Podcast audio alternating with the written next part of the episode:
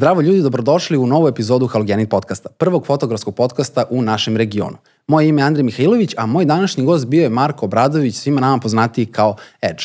On je dizajner, mađioničar, MC, zvanični kažem, uh, Batman u Srbiji, ali je pre svega fotograf i videograf. Uh, u ovoj epizodi smo se fokusirali na koncertnu i festivalsku fotografiju, zašli smo u neke stručne detalje, videli smo šta je izazovno u koncertnoj fotografiji, koje su neke lepe, lepi momenti koji mu se dešavaju, kako je uh, mali Marko u njemu uh, presrećan zbog svega i što je ispunio neke svoje, da kažem, snove iz detinstva, ajde tako ću reći.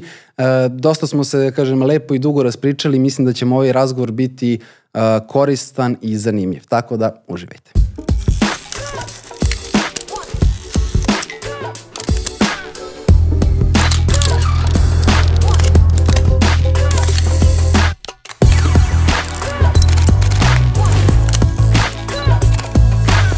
Zdravo Marko, dobrodošao u podcast. Bolje te našao. Hvala. Uh, ja sam te već predstavio ljudima, uh, kao i svakog gosta što, što pitam, hoću da se ti predstaviš uh, sad u, u rečenici dve.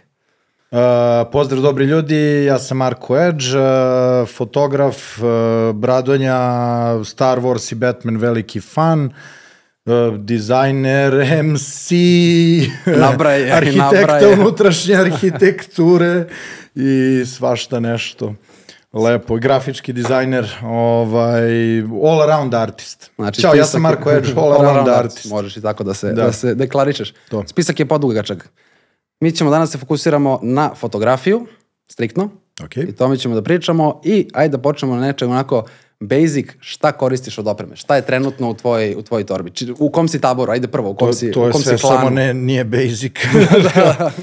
ovaj, pa trenutno ono, zakleti kanonđija od, od početka, znači ono, crveni prsten, zauvek crvena boja, ljudi su me ono iskontali da sam, pa mogu da kažem među prvima počeo da, da rokam onaj crveni cover za aparat i onda sam, Znam, pošto sam ja, još sa Bat- 7D. pošto sam ja Batman, da, još odavno, pošto sam ja Batman, to mi je uvek bio Al, Alfred, kao Aha, aparat je uvek aha. bio Alfred i sad je neki Alfred uh, sedmi po redu. A, mislim da sam, ajde da krenemo, krenuo, prvi aparat koji sam uzeo bio Canon 30D uh, 2005. godine, pa onda sam uzeo, šta je posle išao dalje, ja mislim 7D, 7D. Ti sa 7D pa si rokao 6D, uh, pa 5D Mark 4 i da bi sad uzeo R5 i poslednja što sam uzeo, poslednja iteracija Alfreda je uh, Canon uh, R5C. Ja si našao ti uh, gaće za njega crvene. E, nema, nema To za nema. RPC. Pa neki AliExpress eventualno, ali pošto To ono, baš rešili su, ono, budževina. rešili su da, na, da, da, da naprave onaj cooling sistem jako, Mm. jako lep i onda imate dodatak jedan od bukvalno 10 cm koji štrči od aparata, jedino da, da prekrojim gaće, što bi ti rekao. Pa dobro, može i to. Ja to Može nikad to. nisam mogao, uvijek mi je bilo neudobno. A kao, sačuvati aparat, sve super, meni je to tako bilo neko poveća mi aparat, E, a, nije mi... Ali probao sam sa svim i svačim, bukvalno, uh, na početku sam volao da imam onaj, kako se zove, ono što dodaš bre dole na aparat, podsjeti me. Pa, battery grip? E, grip, da. Dobro. I ovaj booster, znači to mi je baš bio, baš bio trip da to leram, pa mi onda se uh, desilo, u stvari, ljudi zapravo moraju da skapiraju da probate sve i vidite šta vam najviše paše. Meni to nije nikako odgovarao grip, jer uh, mi je zajebano bilo, jer tad su krenuli oni stage selfie da budu u povoju, i onda dok ti to našafiš tu buđu sa sve objektivom i, i, i ne znaš s čime još na, na monopod, a imaš pri, pritom uh, i, i ovaj, kako zove, strep, strep sam onda skapirao da mi ne treba, svi se krste kao kako možeš bez strepa, ja Da, sve ja, ove ja godine volim bez da- strepa, naviko sam bukvalno ono, ko mađioničari što ono, kažu palmiranje s ovim prstom držite tu ako nešto sakrivate neku Pa, opticu ti ili si mađioničar, Pa tako da zato to nisi pomenuo, ali sad to previše da. stvari, da. Ali s tim prstom bukvalno ono držim tamo gde, gde, gde se drži aparat inače, gde je taj grip deo i kao ništa najnormalnije. Čak sam sad stavio strep jer uh, u zadnje vreme kad smo ne znam šta snimali Uh, Beogradu na vodi je onaj vatromet i na krovu zgrade gde nismo imali flat površinu, nego smo morali bukvalno na merdevinama da stojimo na jako uzanoj ivici krova i tu kao, pa brate, moram da stavim strep da ga zavežem za nešto da ne odleti aparat preko.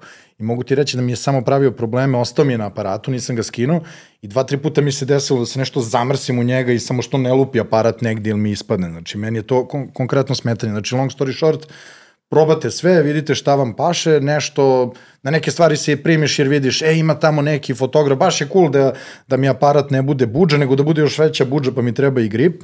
Ovom prilikom pozdravljam Todora, fotografa koji voli taj grip više nego leba da jede. U, kako sam stavio grip na Sony, em što je Sony, em što stavio grip, ko ono, sad si nadovezao ono dupe od drugog auta. Da te, E, ali ja sam voleo, e, dok sam bio na Nikonu, voleo sam.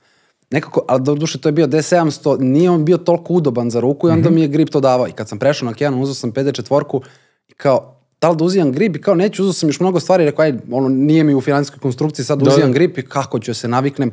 Kad sam uhvatio četvorku, rekao, ne treba mi grip. Da, da, da, da, pa nikad. bukvalno- Tad sam bio ono što veće je- da bude, sad što manje. E, prirodan mi je moment kad slikam, znaš, da, da uradim Da ovo. Znači, skroz mi ima smisla. To je ta neka, kako zove, foto, foto trening, kao to vam je osnovni Da pokret. dobiješ kao fotografski lakat, Da, da, da, kao teniski, da. Trebalo bi za, ne, za teretanu da se napravi. Ono, kao radiš propadanja sa PD Mar četvorkama, pa kao, ajmo ovaj pokret, Gledao, ovaj. ima onih raznih rilova, ono sa opremom vežbaju. Da, da, da, da, da. da.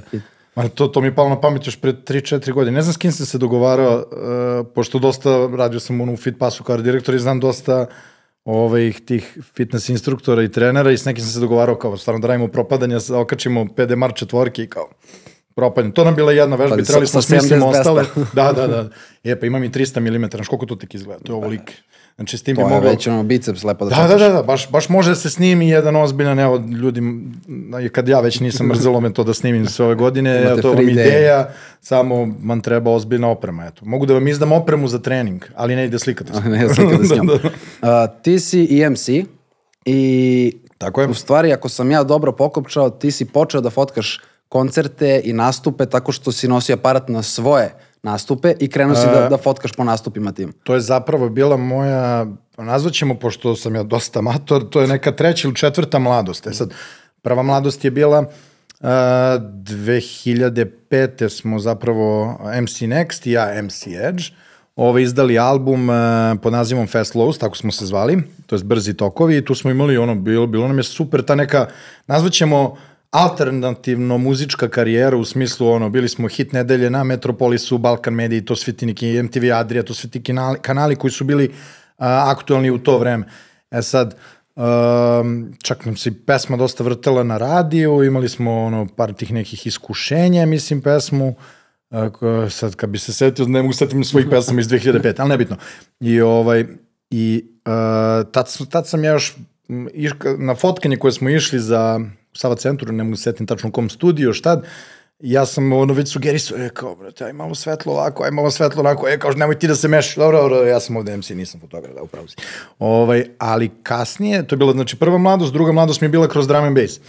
Ja sam ono, ok, rap karijera gotova, ja sam ono kao uspešno se zaposlio, sve super, radim u firmi, dizajn, ozbiljno sve i kao, evo te kao, um, izlazim i si dalje hoću da izlazim naravno i kao, ali ne bih kao da, da dolazim tu na žurke, znam ljude, ne prolazim preko reda ili kao blejim tu na bin ili nešto, moram da imam neki posao i kao krenuo sam da nosim fotoaparat iz bancije, zapravo me zvao Ortak uh, iz grupe Codex i Drum Bass grupa, Toxic me je pozvao, dovodili su Roni Sajza e, u Beograd i kao, e, aj dođi, Bani, kao, i onako nisi izlazio 100 godina i ponesi onaj tvoj onaj tvoj objektiv za umrak, što se kaže. To je ta bila ta Sigma Art 30 mm 1.4 blenda za umrak. Za mrak. I ovaj, ja kao, e, ajde, poneću ja i aparat, pa ću ja da, da fotnem nešto. I bukvalno, što se kaže, neki put se zapravo, nazvaćemo ga uspeh, desi preko noći. Što to može da bude opasno u smislu da se zaneseš sa je stravu, radio sam nešto, a zapravo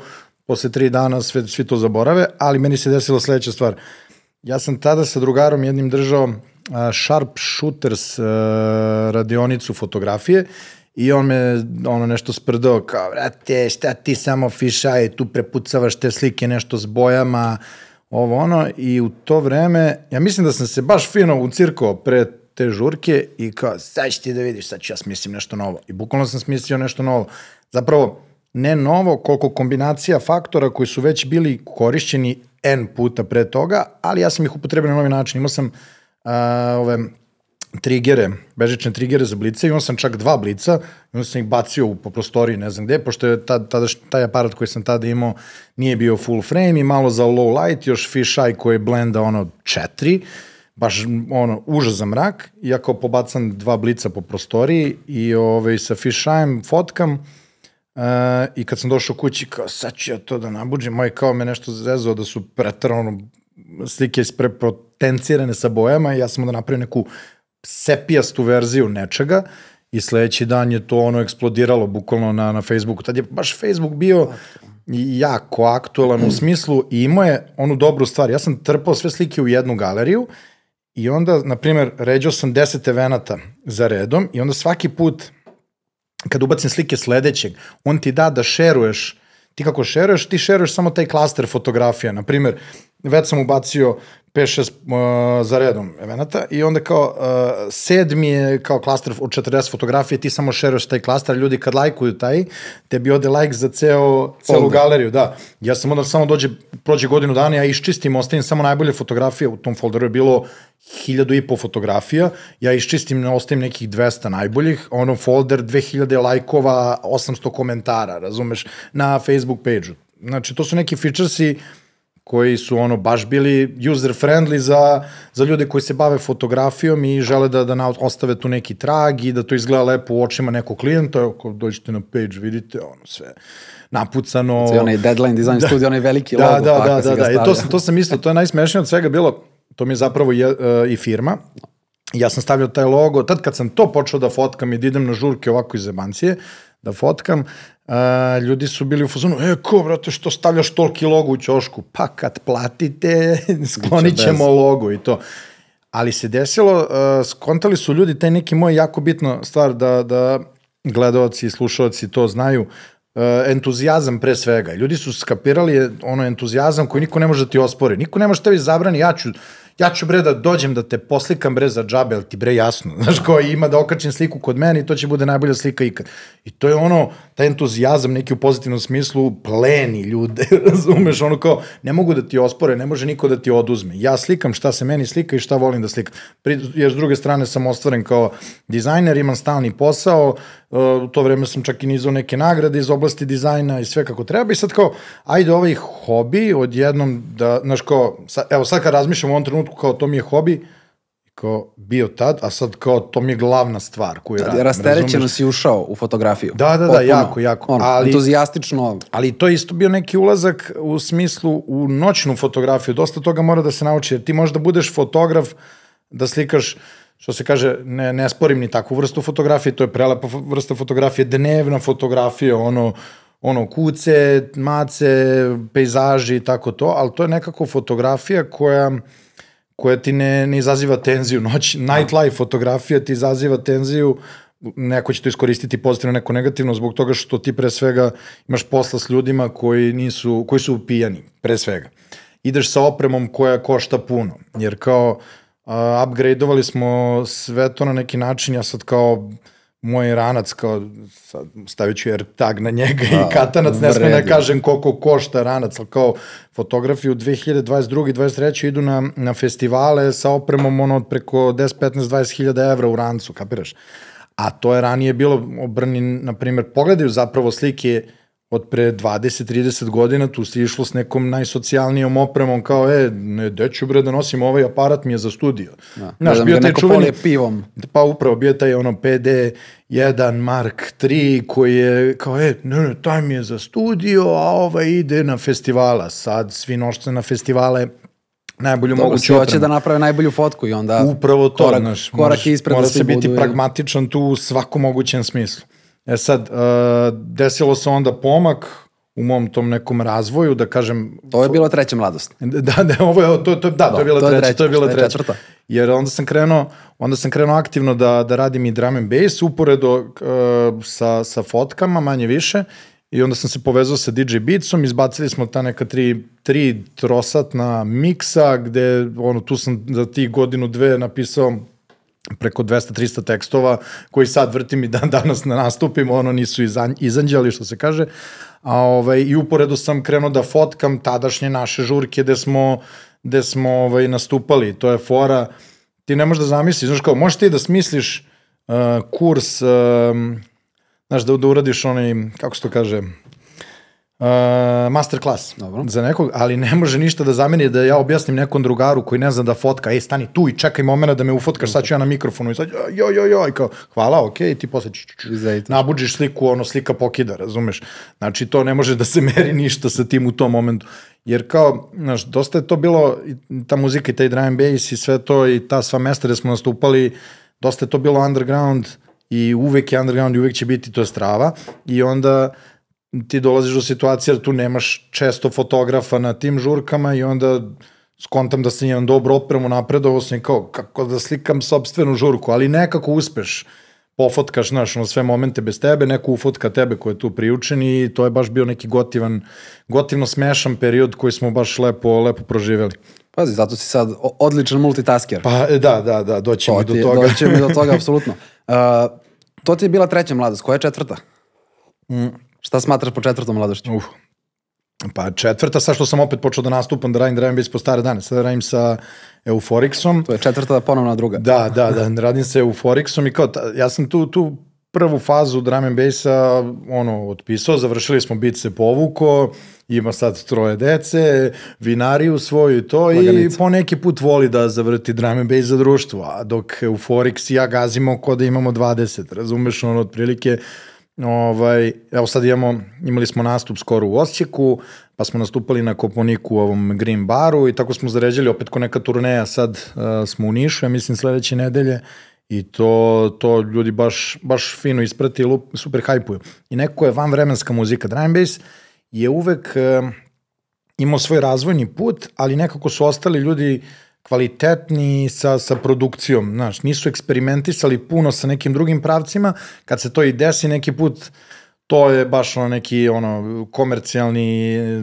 varijacije dubstepa ili neki momenti ono sa, sa preterano uh, veštačkim ženskim vokalima, ali ovo što mi radimo, to je nekako zauvek ta muzika ostali dalje van vremenski kad zavrtimo neku staru traku, ono ljudi preoduševljeni, to je, Sve to je zvuči prelep, hype. Znači ako oni dalje i dalje ne mogu da verujem. Jer konkretno kod nas drum and bass kao tehnički je na aparatima, znaš kao umro je, ali je na aparatima i ima kao uh, ima ekipe ono kao Sofa Crew, ne znam iz Kragujevca da li ste živi, ako ste živi stavite u komentaru da ste tu. Ovaj, Bozne i Drop Sensei ekipa, ovaj, Shuriken ekipa iz Novog Sada održavaju sav taj drum and bass živim jer um, oni imaju i stage na, na Exitu i da se okupi cela ekipa i da svi nastupamo. Ja nisam javio da nastupamo i ove godine, čisto se organizujem. Ovaj, o tome ćemo. Poruke, ono kroz Da, podcast. da, da, evo kao tu da aktiviramo dole. dole ovaj. A ovaj moj Euforix, on je evo sad izdaje za koji dan album. Ovaj, na kome opet ja nisam gostovao nikako da se organizujemo da snimamo. Imamo 4-5 pesama, razumeš? I kao nastupamo ko da smo najbolje uigrani na svetu, ali to je ta jako kako da ti objasnim, sebičan nastup, jer svako je u svojoj dimenziji, to mi je takva katarza i, i ovaj, iz neko izbacivanje negativne energije, on je u svojoj priči, ja sam u svojoj priči i mene apsolutno bole uvo šta on vrti, me, njega apsolutno bole uvo šta ja repujem, a mi smo savršeno usinkani. Sinergije, da. Džezeri će razumeti, razumeš ko, ko je, koliko je to sve, sve lepo uh, usinkano. Tako da... Reci mi, uh, ti si znači sad opet vratio se drum and bassu, ali da kažem to, ti si i dalje na bini. Da li držiš mikrofon ili aparat, ali si dalje na bini. Uh, to je još počelo ono, od davnina, a reci mi, koja je prva kinta koju si zaradio od fotkanja? Kad je to bilo, šta je bilo? Jel se sećaš cifre koja je to bila? Pa ne mogu da se setim, ali moguće da je to bilo tad nekih uh, 2006 možda. Uh, radio sam kao spoljni saradnik spoljnog saradnika, znaš kao, ti ono ko, da, da, da, ono, CIA kao NOC agenti, kao znate samo jedan lik koji, da, da ti postojiš i da, da si agent. Na, isto je bilo fotkanje nekog koncerta, žurke, nečega. E, ne, ne, ne, zapravo za kuća stil uh, interijeri. A interijeri? Da, A, slikao okej. sam interijere jer sam... Si ga ti pravio išlo- ili? E, nije, uh, pa ne, neke sam Dizajnirao. zapravo i pravio, ali bila je fora jer sam, je bilo uh, shodno moje struci, ja sam ono, diplomirani arhitekt unutrašnje arhitekture i još tad kad sam upisivao faks se, ono, uleteli su tako neki poslovi Mhm. da fotkam za za, za možda časopise, neke interijere, pa su me onda ljudi zvali da im slikam ono, kafiće, pa, a u isto vreme se to dešavalo kad sam i projektovao možda neke, sad, sad bukvalno vadim iz malog mozga, ali sećam se da sam radio neku prodavnicu nakita, pa neki um, fit bar, još tad, a nije fit bar, fit bar postoje, mi smo ga nazvali fitness kafe, ja mislim, mm -hmm. to sam isto projektovao, pa smo i fotkali, sve to kad skombinuješ, jako je lepo uh, da onda kao fotograf razumeš koji ti objektivi trebaju da slikaš interijer. Tad, tad ja mislim još nije, nije bila dostupna svima možda ni nikom, čak uh, tek kasnije, posle 2010. ova 14. čuvena uh, Sigma Art bila. Mm -hmm. Taj objektiv je za interijer neprevaziđen. Znači... Dobro, ti si, ti, ti si taj objektiv iskoristio za mnogo da, toga da, da. što nije interijer. Jer, za... na primer, ne možeš fišaj za interijer. Mislim, možeš, pogotovo sad, što se kaže, these days, imate u Lightroomu ono milion i jednu opciju da ispravljate perspektive. A dobro, zašto bi? fotkali sa, sa fisheye. Je, ne znam, jesi probao, znači fotni, fotni studio sa fisheye i onda u Lightroomu ideš ono... Uh, studio da ti... 300 kvadrata se nalazi u bloku. da, da, da, da, ali imaš da ti ispravi perspektivu. Znaš ti šta dobiješ, a pogotovo... Da li može u interijeru da ispravi, da, da kažem, dosta da. su blizu zidu i baš ga krivi. Da, da, da, prelepo radi. Znači ti možda čak i imamo oni cirkularni fišaj, 8 mm zavrneš ga, ko ono ranije što su izgledali oni skaterski spotovi gde ti imaš crno mm -hmm, okolo, mm -hmm. ono nije vinjeta, nego je bukvalno ono kao, da, Looney Tunes, da, da ti iskoči da, da. patak dača, da, da kaže that's all folks. Razumeš, crno je sve okolo jedan krug, ali ti toliko hvataš, ono, bukvalno hvataš sebi iza leđa. Da, da, to je 180 stepeni i više. I, i zamisli onda kad na to primeniš ovaj korekciju perspektive u, u Lightroomu, on ti prepozna ko je to... Ne, to svako da, on odmah Objektiv i samo ti ispravi. Uh, i posle ga još malo kropneš i dobiješ nešto što bi što čak ni tom 14 ne bi mogao da dobiješ jer kako bi drugačije rešio neki jako jako skučen interijer znaš to je Dobro da ima logika ako može dobro ga ispravi ja ne, nešto nisam preterani fan uključim uvek mm -hmm. naravno ok da mi ispravi i da ukloni i da ukloni vinjetu ali ume nekako da mi po sredini neku liniju, onda mi iskrivi na drugu stranu. Ok, malo ga ja još namestim, Ima ali... i toga, da. Ali, nije mi nešto mislim, najsrećnije. Mislim, idealno bi bilo da, da slikaš stvarno neki stan od 300 kvadrata i da ga ti ufutkaš 85-icom 1-2 i da dobiješ onaj Jest, dof prelep. 80% u Beogradu garsonjere. I šolja kafe ovako, kao na stolu, ono u fokusu. A, I kao, iznajmićemo, iznajmićemo Rusima za 3.500. Na 4.000. to, to, to. Uh, ti si na Exitu prvo nastupao, pa si tek posle toga i postao njihov zvanični fotograf. Ti si još tipa 2004. 5. nastupao e, jeste, prvi bravo. put. Ja sam prvi put, da. Uh, zapravo, pozdravljam i ta, ta ekipa bila iz Novog Sada, Hain Teni i Špira. Ovaj, I vi se javite u komentaru. Svi se javljajte. ovaj, I oni su imali taj Deep Down and Dirty stage na, na, na Petrovaradinskoj tvrđavi na Exitu i bilo je, mislim, 2003. je open mic bio, mm. svako večer u nekom momentu prave open mic, ja se popeo, bacio Rimu, tu se zgotivio s njima i baš smo onda sledeće nedelje izbacivali taj Fast Flow za album i onda smo zvanično i nastupali.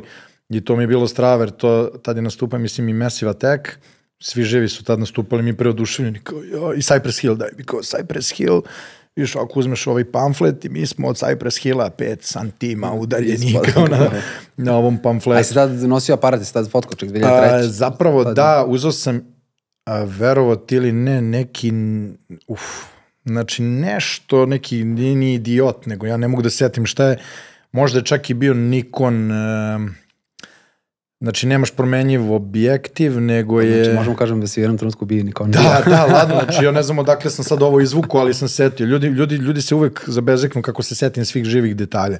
Ča, ali čak sam mogu i sa, sa, da ti izvučem i fotke s tog nastupa i da nađem i ko je to aparat bio. Jel uspeš sačuvaš sve hard diskove, ono, od, od ta, da, da, kako sad... sortiraš te fajlove od ono 20 godina? Ja stvarno želiš da znaš, imam poseban način. Uh, po Jordankama imam stikere uh, Jordan patika sa AliExpressa, znaš kao modeli Jordanke od 1 do 25. Dobro. Koliko sam uspio da ih tamo, pošto ima gomila patika po Dobro. stikerima.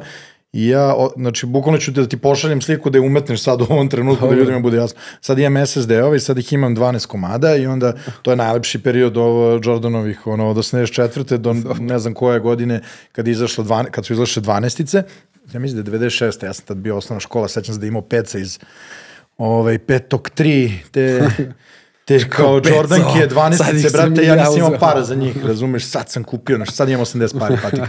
ovaj, I onda lepim te stikere i znam, zanimljivo je kao, ne mogu nikom da kažem, je daj mi četvorki, kao ako ne znaš koje su Jordan 4, ne znaš koje, ti znaš da ti je na tom ne znaš koje je četvrti to. hard disk, da. A imam 12 tih SSD-ova, onih kako zove, sandiskovih. Čekaj, čekaj, jel storageuješ, arhiva ti na SSD-ovima ili HDD-ovima? ne, to mi je trenutno ovo što radim, a, A arhiva, imam one... ono tipa iz 2005.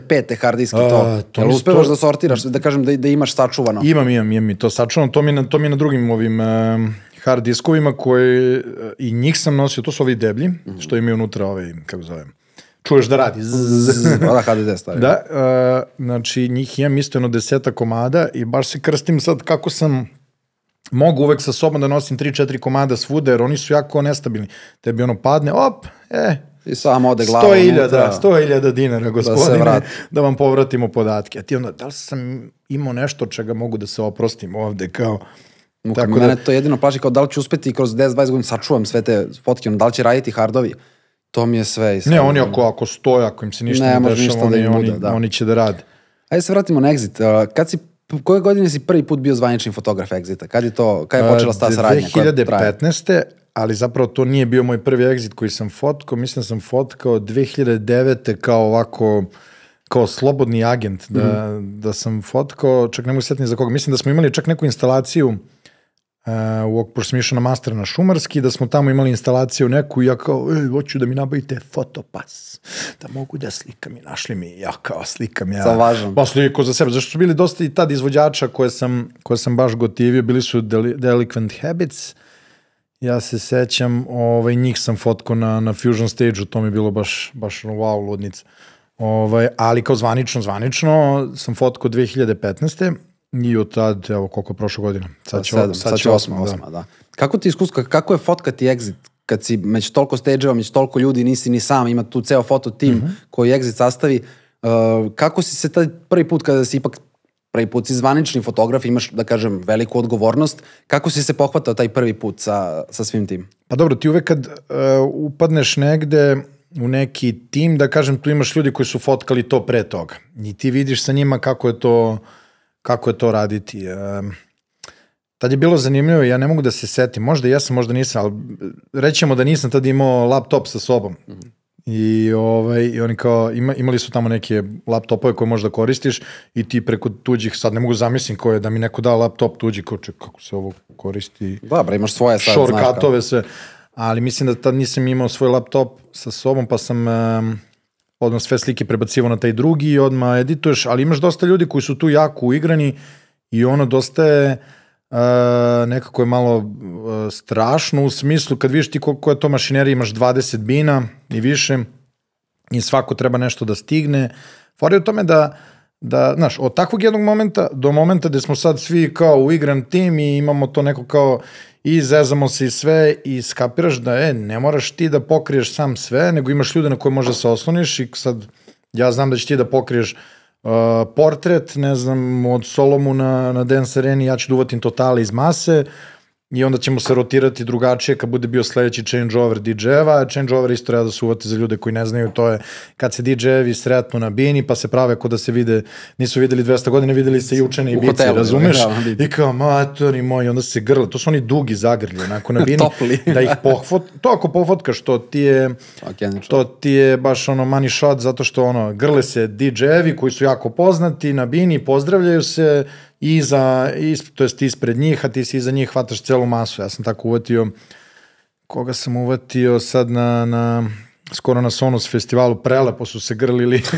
Da. ovaj, Karl Cox i ne mogu da setim ko još da ne grešim dušu, znači ono prvo ukrstili ručice, pa kao high five, pa se grlio ako to, to, to, još, još, Ceo, pa još, samo još, se vi još, grlite. još, još, da. A jel imate neko ko vas organizuje, ono, podelili se ili se vi kao kolege između sebe, e, ajmo ti taj stage, ja ću taj, ja Pa bi možemo, ovo. možemo uvek da kažemo ko šta preferira Mm. da sluša. Uvek će mene da, da bace. Mislim, jako je taj kultni moment Exita koji je postojao tad, kad je od 2004. godine, kad je drum bass baš bio u povoju, jer od kad je Exita, bilo je i drum bassa.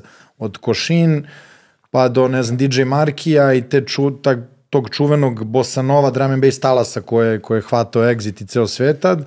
Pa sad, znaš, kao bio je onda program posle dva i odjednom počeo da bude na main stage-u drum and bass program i UKF, pa i toga sve manje manje, ali oni uspevaju dalje da to održe, znaš, sad, sad će Chase and Status da, da dođu isto na exit, ovaj, dobro, Wu-Tang Clan, moramo da imamo neke, neki što se kažu reperi, to je super, ali generalno, znaš, mene će uvek da, ja ne moram ništa kažem, ili ko ima da me šalje, zna se da ću ja ovdje da fotkam Brian Baser. Naravno, ako ste već tu neka ekipa, vi ste već podeljeni ko će gde, da, ko šta voli, znate se. Znaš, kao, mlađi će da slikaju, oni vole više taj trap momena, domaći, mm -hmm ja ću da, kao, ja to neću da slikam, ali ću odmah da se popnem na binu da nastupam sa Foxom i Surilom. Bože moj. I to sam radio prošle godine.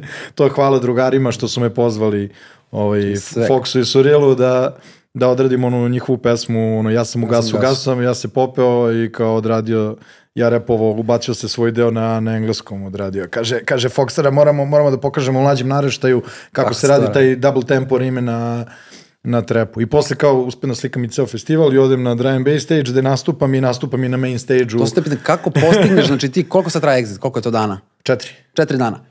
Ti za četiri dana svaki dan moraš da fotkaš, mislim, to je od jutra do mraka, ajde kontam, imate ko kad spava. Misliš tipa, od sad, mraka do od jutra? Od mraka, da, ili ono, nema spavanja, ne znam koliko spavate uopšte. A, pa pazi, stigneš da odmoriš? Sam, samo nagrađujući u kom smislu, ranije se to radilo na ovaj način. Ti odradiš samo highlight fotografije, ti ćeš pofotkati u proseku od 2000 do 3000 fotografija za večer. Koliko da si ti skoncentrisan i da želiš da to svedeš, e, ajmo malo da se ne bahatimo sa brojem okidanja, znaš kao ali, high shutter, ali moraš to da radiš jer je promenljivo svetlo i kao zaneseš se, jer kako kreneš da radiš veče, znači ja, ja meni je svako veče i večeras, recimo, ne znam kada ćeš puštati emisiju, večeras i Illusions, ovaj, u BG-u žurka dolaze matame i isto, kad ti kreneš da fotkaš, ko zagrevanje na treningu, znači kao, a, u, što je ovo užas. Mora malo da uđeš. A, u, u što zna, čekajmo sad. Uf, a na kraju kako ide odmiče veče, te, ti si se razradio i tražiš tu neku novu fotku koja će tebi da bude wow, da, što ja kažem, dostojna da ja okačim na svoj Instagram. Ne sad kao moj Instagram. Ti nešto... to neko merilo, da kažem, pa, kvaliteta. referenca, zato što generalno nightlife ta vrsta koncertne fotografije nije baš toliko aktualna na Instagramu, pogotovo kad je bilo ovaj post uh, korona, korona moment, gledam kako da izgovorim, uh, post korona moment, uh, uh, gde, ja, da sam ja skontao, mislim i to sam više izvora video, da se ta clubbing i nightlife fotografija su ono malo bile ubivene sa ričom od strane Instagrama. Instagrama, pa da, pa da. Pa kao velika okupljenje, to su namjerno su spuštali rič na tome. Pa, dobro, da, teorije ne možemo znamo za sigurno, ali... Mislim, gledao sam ja i po festivalima i sve, ali dobro, ti ne možeš da očekuješ, svi su želeli da se što pre sve otvori, da sve krene. Jeste stavljali one disclaimere uh, zbog korone, tipa vidi da ima mnogo ljudi, znaš, u jednom trenutku su bili oni disclaimeri automatski od strane pazi, Instagrama. Pazi, većina, većina festivale krenula posle uh, tog perioda i u, čak i u to neko vreme su imali ono da se ljudi testiraju ispred. Da, znači ja, ja recimo kad sam fotkao gde je to najviše bilo ono vojnički u pozitivnom smislu klub Noa na, na Zrću gde sam fotkao, znači ljudi su ono svak, svaki dan morali da, svako večer morali da se testiraju. Mislim, najsmešnije od svega sad kao pozdrav za braću Hrvate, ja pokazujem moj, moj ono, da sam primio vakcinu ono, na Čirilici, a ja. Da. šta piše to, ja kao kasnim u klub da slikam, juče si me testirao, Ju, juče si video da imam isti taj, nemoj da, da prevodimo sad, tako da presmešno, mislim, to, to mi neki kao od smešnijih, slađih momenta. Reci mi, na Exitu, znači mnogo vas je i sad, ima tu i mlađih i starih, znači neki koji ste tu mm -hmm. već mhm. par godina fotkate, iskusniji, neiskusniji, je li ima nekog ono da kažem rivalstva? Si, ipak tu svi pokušavaju, vas je, koliko vas je? U pa neki put nas bude od, između 10 i 15, sve zavisi. Svi pokušavate da napravite ono najbolju fotografiju, svi pokušavate da pravi, napravite fotografiju koja će da kažem da se pamti sa tog egzita i da vas okači, izvođače ja, sve. Nije, nije da svi to pokušavaju. Strava stvar je što se tačno su se opredelili, ja ne znam, kod je psihološki neko mhm. sklapao mm. ljude. Znaš ono, ko što je ranije bilo kad učestvuju u nekom velikom ratu, pa gledaj, treba nam jedan lud, jedan čupavi, jedan, jedna plavuša, jedna ove, znači sve... Kao pozdrav za kolege. da, da, sve su tako skupili ljude jer je, uh, jer tačno se vidi, imaš donji i gornji grad. Um, koji ja sam bio ubeđen da je gornji grad donji, a donji gornji bukom. Gornji grad ti ovo da je reggae stage, malo više, što, malo više ima muzikanata, što no. se kaže. Malo se više zapravo ljudi bave muzikom, sviraju nešto i tako to. Na main stage naravno uvek dolaze ljudi i ti koji sviraju, koji su DJ-evi, a ovamo što ideš ka dance areni, to su više DJ, DJ-evski orijentisani. I naravno, takva je, takav je period da malo više ljudi ima u tom donjem gradu, to jest više ljudi ima na dance areni. E sad, sve zavisi ko kako šta nastupa, uh, od, to jest kako odmiče veče, odu ljudi na, na, ovaj, na Fusion stage da čuju domaće i onda kreću, ono masa ljudi ide ovamo. E sad, Što se tiče fotografa, konkretno neki ljudi više vole da hvataju, ja volim sve to da hvatam, ali znaš kao kad nemaš vremena za celo veče, neki ljudi više vole da hvataju portrete. Znaš, pa neki ljudi vole da hvataju oni so, uh, kao, kako da kažem, socijalne momente, one gotivne, znaš kao dvoje ljudi zagrani, Da, leže smenje, na da, da ogradi, sa znaš. da. Aj čak ne ni smenje, nego konkretno, Ne, konkretno lepo ljudi, da znaš ono, energija nekada se uhvati. one, uh, znaš, uvek su ljudi nasmeni, to ljude ko da slikaš za flajere i plakate, nego ja mislim oni, kao oni momenti, ono, leže umorni, razumeš, Aha. u zoru zagrljeni negde, u blatnjavi, razumeš, i tako to. To, to je slika egzita. To je meni pre, to su meni prelepi momenti, ali kad ti dođe tih sedam ujutru, znaš, ti uvek trčiš negde nekome posla u masu ili idem ovamo da snimim changeover, da pofotkam, to su sve te neki momenti koje ti skapiraš da ne možeš sam da uradiš. I onda je strava što je zapravo tim je takav da svako će da hvata nešto što je njemu svojstveno. E sad, koliko god ja govorio, e, ali ja super radim portrete, ja redko kad odradim više od 20 portreta na tom egzitu, tako da... Znači ti kažeš da nema nekog rivalstva. A, e, ima, nisam rekao da nema. Ja sam Dobro. rekao, ovo ti govorim, da ima, na primer, ali ono prelepo, najmoguće, naj, najlepše moguće rivalstvo. Da, ne- ne- ne mislim ko, ko će duvati, ko će duvati konotacijom. sliku, ko će, čiju će sliku da objave pre, kasnije, Mhm. vamo, namo, i to je, ali to nam pomaže ono da, da se zezamo i sprdamo, da nam omogućava nam da preguramo zapravo ta četiri dana ne, ne spavanja. Da, Znaš, to je... Psihički, fizički naporno. jer jedino odeš, odeš u neki ono, u ludačku sprdnju i smeh i onda do poslednjeg dana, znaš koja zebancija bude od svega toga, ali mislim, ozbiljno radimo posao i dalje. Dobro, da, ali da se Ali ne smo mi se toliko lepo ono, podružimo i posle svi, mada to nismo prošle godine, kad malo bolje razmislim, odemo ono neki oni restoran tamo na, na reci, onaj piknik i svi tamo klopamo i kao to je to. Sad smo svi toliko preumorni budemo da, da nemaš energije ni za šta. Ajmo kući posle. Ali ono što sam krenuo ti kažem, ja sam razradio taj neki princip da sve fotografije, verovatno ili ako pofotkaš ono 3000 fotografije, selektuješ zvezdice, šta već kako, ja završim sve sutra, do, do sutra ujutru. Znači ako se završi, e sad, neki put ostaneš do 8, frka kako moraš da ostaneš do 8 ujutru na Dance Areni, to obično poslednjih dana, ali manje više zapališ u 6. Isto večeras ću Mada večeras, eh, večeras ću do 5 verovatno ostati u hangaru i onda dok stigneš kući, I kada editoš onda? odmah, odmah. U šest ujutru, kada dođeš kući, Da, pet, šest. odmah, odmah. Ako tad ne Kako se završim... ne slušiš u krevet? Kako se ne prneš ono te mrtav? umoran? Tuširaš, jedva čekaš da završiš te slike. Ja sam već krenuo da, da, da selektujem slike na samom eventu. Tako sam prošle nedelje kad je bio Footworks. I šta, vidiš da je dobra, lupiš zvezdicu. Otvo, da, otvorio laptop, prebacio ih sve i samo lupam zvezdice. Bitno mi da ih selektujem i da već krenem ja tu malo da editujem, da vidim šta ću i kako ću, jer drži me taj drive da ih završim što pre. Fora je sledeća, ti neki DJ-evi, oni će već da, da uvate avion, možda imaju, u većem, većoj većini slučajeva imaju jutarnji let i oni će da zapale, oni slete već negde, oni već kače fotke sa tog drugog uh, mesta. I tvoje fotke više nisu I, aktualne. od- da, i onda, a samim tim i od e, festivala ili žurke, a svi žele da okače njihov grad, na primjer, znaš. Na primjer, sad Matame večeras nastupaju u, hangaru i ovaj, trebalo bi te fotke poslati bukvalno, ja, ja verovatno ću uspeti čak i na samom eventu da ih malo čačnem, pošaljem jedno deseta highlighta, mada su highlighti nešto što najviše mrzim, u kom smislu? Kad odradiš te highlighti, ako si lego da spavaš, posle kad se provodiš, posle si ono mrzao, ne kliće ti se, ne radi ti se više, to ne bi da proživljavaš tu noć, znaš, kad sam već ono nisam spavao, ovaj, dođem lepo kući, razumeš, istuširam se, ono, ako imaš nešto se prebaci, šta već, sve slike odradiš Da odmah. imaš i da legnem si dalje u hajpu nekom, znaš i koji su ti kadrovi u glavi, već znaš koji su ti možda neki favoriti. I zbog toga pre Da, svega, i jer ne želim, kažem ti, posle kad se naspavaš, ti da kreneš da gledaš, je, kad smo sliko, da proživljavaš to veče opet. Ti si tad, dok si već u hajpu, ajde da što pre, što pre sredim. I onda ti to povlači kao, ok, nightlife, ti imaš, uh, mo- može to da bude sledeće pitanje na koje, kao, koje nisi postavio, na koje ću ti ja dati odgovor. Znaš, kao, slikaš noću, mo, trebaš da imaš opremu koja slika dobro u low lightu. Ok, ta oprema nije jeftina, ok, ako imaš opremu koja nije jeftina, onda i kartice nisu jeftine, znaš, Compact Flash Express kartice 128 giga, 300 pa onda, pa da, i onda dok, pa čitaš za te kartice, recimo taj SanDisk nije mogao da se nađe neko vreme kad sam ja uzao R5 i onda sam, uh, kupio sam ga na kraju, mislim u Zagrebu, ali dok ga nisam nabavio, znaš koliko je to trajalo? Znači jedno sat vremena stavim kabel iz direktno iz aparata i ono čekaš, A, i to je- čekaš. I ne sam da zaspim, ako tad zaspim, ja se neću nikad probuditi, znači probudit ću se uveče, ono 300 propuštenih poziva, gde su fotke. Ali imaš onaj moment, uh, ako ih tad ne odradiš, da, i onda, da ti se nagomila. Znaš, ti, ti si bukiran danas, sutra, prekstora, nak sutra. Baš zato, baš zato. Evo ja, imaš to sad nakup, večeras, nakupi. večeras slikam o, po stoti put taj, taj, mada ovo nije reklamer, kad se bude ovo emitovalo, će, ne, neće ta žurka biti aktualna. Ovaj, uh, znači, posle Illusionsa, sutradan, sad još uvek uburim, E sad kao, da li, da li treba odmah krenuti za Zagreb posle žurke, pošto uveče slikam u Zagrebu, ili, ili odspavati, pa, znaš, kao, kako, kako odraditi tu celu priču. Najbolje, najbolje što ću da uradim, na žurci ću već da krenem da radim fotke, a ja radim, nisam ti rekao i nisam vam rekao, ja radim i video. To koji ćemo tek da izbac, dođemo. koji isto treba da izbacim uh, do sutra popodne. Tako da, ono, skontaću ko je, kako i šta priča. Vratno ću fotke, ono, za jedno dva sata da, da sredim, da i šamaram, ne, ne, ne, posvetit ću im se stvarno, ali kao...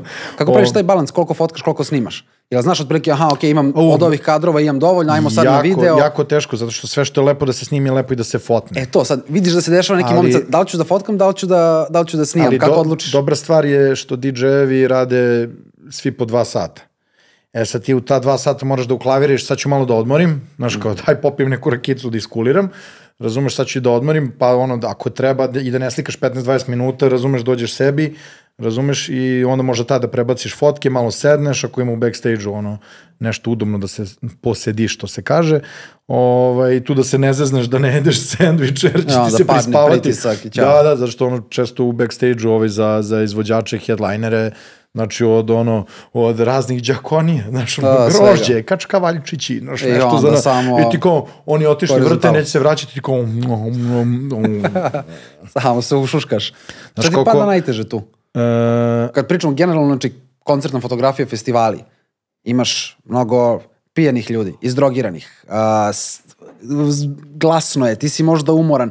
E, šta ti najteže pada kod toga? Znači, to je pazi, realno fizički, psihički vrlo, uh, vrlo si zahtevnu granu fotografije Da, izabrao. a Šta pazi, ti najteže uh, jako mi je interesantno, pošto kao, ajde rećemo, u toj nekoj branši čime se ja bavim, ljudi me dosta znaju i kao poznat sam, razumeš. Uh, I onda kad ideš kroz tu masu ljudi, znaš, ono, koliko god da su pijeni, izdrogirani, šta sve već, znači, svi su lepo raspoloženi i svi su došli tu da se provedu.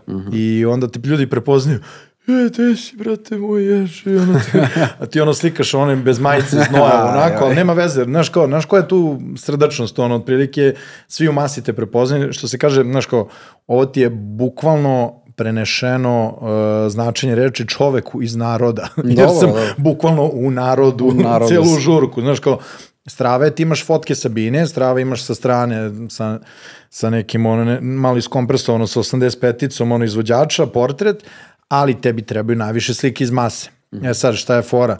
Uh, ti ne znaš ni kad će, ono, slušaš muziku, to je jako bitno da slušaš muziku, znaš kad će da dođe break, kad će malo da se promene svetla, ti možeš i da uh, budeš u komunikaciji sa rasvetom, možeš i kod njih u takozvanom foku, to je ograđeni deo, mislim može izgleda kako god, može da više spratova, ali u onom ograđenom delu gde je režija, ovaj, režija svetla i svega, uh, znači možeš i kod njih da budeš, ja čak na na No Sleepu sam bio do ono merdevine male, da, smejte se. Ljudi, ovako male trouglaste merdevine, one što se otvore, stavio ih u foh i sad kao, sad sam ja rešio da uvatim lasere, lasere možete da uvatite ako slikate recimo 40 deo sekunde, što prosečnoj prosečnom ono nosiocu, da kažem, aparata. Dobro, da mirne ruke. Da, ne, ne možeš baš da držiš tako mirne ruke. Ja uspem 40 deo sekunde držim mirnu ruku i sad je fora, ako je wide objektiv, izgleda kao da ti je najmirnija ruka, ali što ideš ka, ka užem, neko 85-ica, 40 deo sekunde, apso- apsolutno istrešano. I onda ja stavim i monopod i ne popne se na te merdevine, iščekića moment sa laserima i dobiješ neku nestvarnu fotku, otprilike koju sam ono, tad, tad sam rešio, što se kaže, zadudio, moram da napravim tu fotku i uspeo sam. I to su te neke male, mala, mali uspesi na nekom personalnom nivou koji ti daju drive. U, kao samo stigne kuće ovo da sredim. Uh, jedva čekam ovo da sredim, da pošaljem. Ova fotka je strava, ovo je super i onda Gabiraš, uložio si sebe ko kao krenuo si da, krenuo si da kopaš, ali, krenu, ali kopaš put ka gore, razumeš, i sad kao, ok, iskopao sam do pola, pa moram da izađem, mm. znaš, kao, ako sam slikao celu noć i sve to imam, bez veze da zakakim sad i da odem da spavam i kao, i kao sad se uspavam večeras. Kao, Šta ti je to najteže? Jel, ti, jel imaš to? Da li ću da se uspavam? Da li, da li ću da... A, Šta, pa ne, onda bukvalno, pa- šta ti je najteže? Izdvoji jednu stvar koja ti je najteža. A, na šta je zeznuto? Zeznuto je, na primer, kada uh, DJ mahom to DJ-evi imaju posebne zahteve i prohteve. Nema slikanja odavde, nema slikanja odande, nema slikanja sa desne strane. Jedno mi se desilo, uh, mislim, Sonus festival, uh, da, da Loko Dice je rekao nemojte da hvatate laptop. E sad, zapravo je, on nije hteo da mu neko snimi koje su mu trake. Pošto znaš sad, on pusti traku, ljudi šazemuju, ne znaju koja je traka, on je pustio nešto novo, neizdato, e sad, to je došlo, dok je to došlo do mene, to je ispalo na kraju kao, ej, nemojte da se vidi laptop. Znači ja sam taj laptop photoshopirao iz svake slike, ti njega vidiš, on Si je beli svuda laptop. uklanjao. Da, viri, razumeš njemu laptop odavde. Sve crno okolo, sve. Da, i samo viri laptop i onda sklanjaš laptop, a zapravo su loše, loše prenotu, zapravo ne mogu nikog ni da krivim. Kaže, no laptop, samo Čak to ti si kaže. ga skidu i kad se ne vidi ekran, kada je s druge strane, kad se vidi poleđen. A, na kraju nisam to, trebao sam i to da radim, ali na kraju nisam to jer su mi na kraju objasnili. A pa sam onda samo stavljao da je crni ekran na, na, na Pa, laptop. to se utopi Ali mogu da imaju posle. tako neke, neke prečudne zahteve. U stvari, znaš, sva, najteže mi možda pada oprema, jer znam da, da tu uvek ima previše i prašine, ako je festival na otvoreno i slično, i ono, nikad nemaš dovoljno krpica i pufkalica, znaš, da očistiš i senzor i, i, i objektive na aparatu. I ovaj, generalno, Pa ta neka možda početak večeri mi, da kažem, pada teško, ako moram da dođem ranije. Kako Znaš, ulaziš, recimo sad, imao si miran dan, ako si imao miran dan, i sad treba, znaš da ulaziš u, u ludnicu, u muziku, sve, jel imaš, kako se pripremaš, kako ulaziš u mood sad da ulaziš u, u tu masu, jel da, imaš da, neko... imam, imam ono svojim, pa da, ono, dok se vozim do hangara, slušam Massive Attack, ono, To, to, znači to ti je zagrevanje. ono, da, totalno da me down tempuje i volim da, da uđem u to sve kad je već e, ludnica. E, Te, možda mi zapravo, evo sad ću ti odgovoriti, najteže pada dođem ranije na žurku. Znaš, Kad je mlako. Pa e, nekad nema nikog, razumeš, Mhm. e, neki put mora i to da se naravno desi, trebalo bi zapravo uvek da se dođe ranije, ali ono je, ono, recimo prvi DJ radi do 12, ja ću doći u pola 12 jer se ljudi tek sakupljaju oko pola 1 i to Mhm. je problematika. I onda ako si ti došao u 10, znači u 4 ujutru kad treba daš, ono, neću kažem svoj maksimum, ali treba da ga odradiš do kraja kako treba, ti onda krećeš da kloneš i posle još treba voziš kući i kao ne znaš gde biješ od koliko ti se spava. A šta radiš ako ti se prispava? Jel imaš nešto, kako Ne, se ne, ma, razbudiš? Jel ne može od te ne, ludnice da ti se Ne, prispava? može, ne, nikako, ne sme, ne sme da ti se prispava. Ne znam da ne sme, ne ali- Jedem, ne jedem. Pa pazi, znaš, znaš gde ti se prispava? Prispava ti se tamo kad je hladno. Uh, ne mogu se setim na kom je to festivalu, znam da mi je bilo hladnjikavo. Znaš gde sam zaspao? Tu sam zaspao kod car. Kad sam radio za Cercle uh, na planini Nemrut u, u Turskoj, Um, I to je, to je baš ova tu, tužna priča sa trenutno, jer je to ova zona koja je bila pogođena zemljotresom.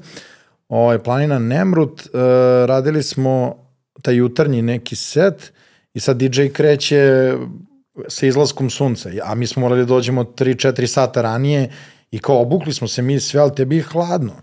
I ovo, ja se ono, ogrno ćebetom i sve i onda sam se zaštekao negde u režiju, ali ja imam taj neki talent da držim telefon i kao drdam telefon i ovako i još imam naočare i ti ne vidiš da li ja spavam ili ne.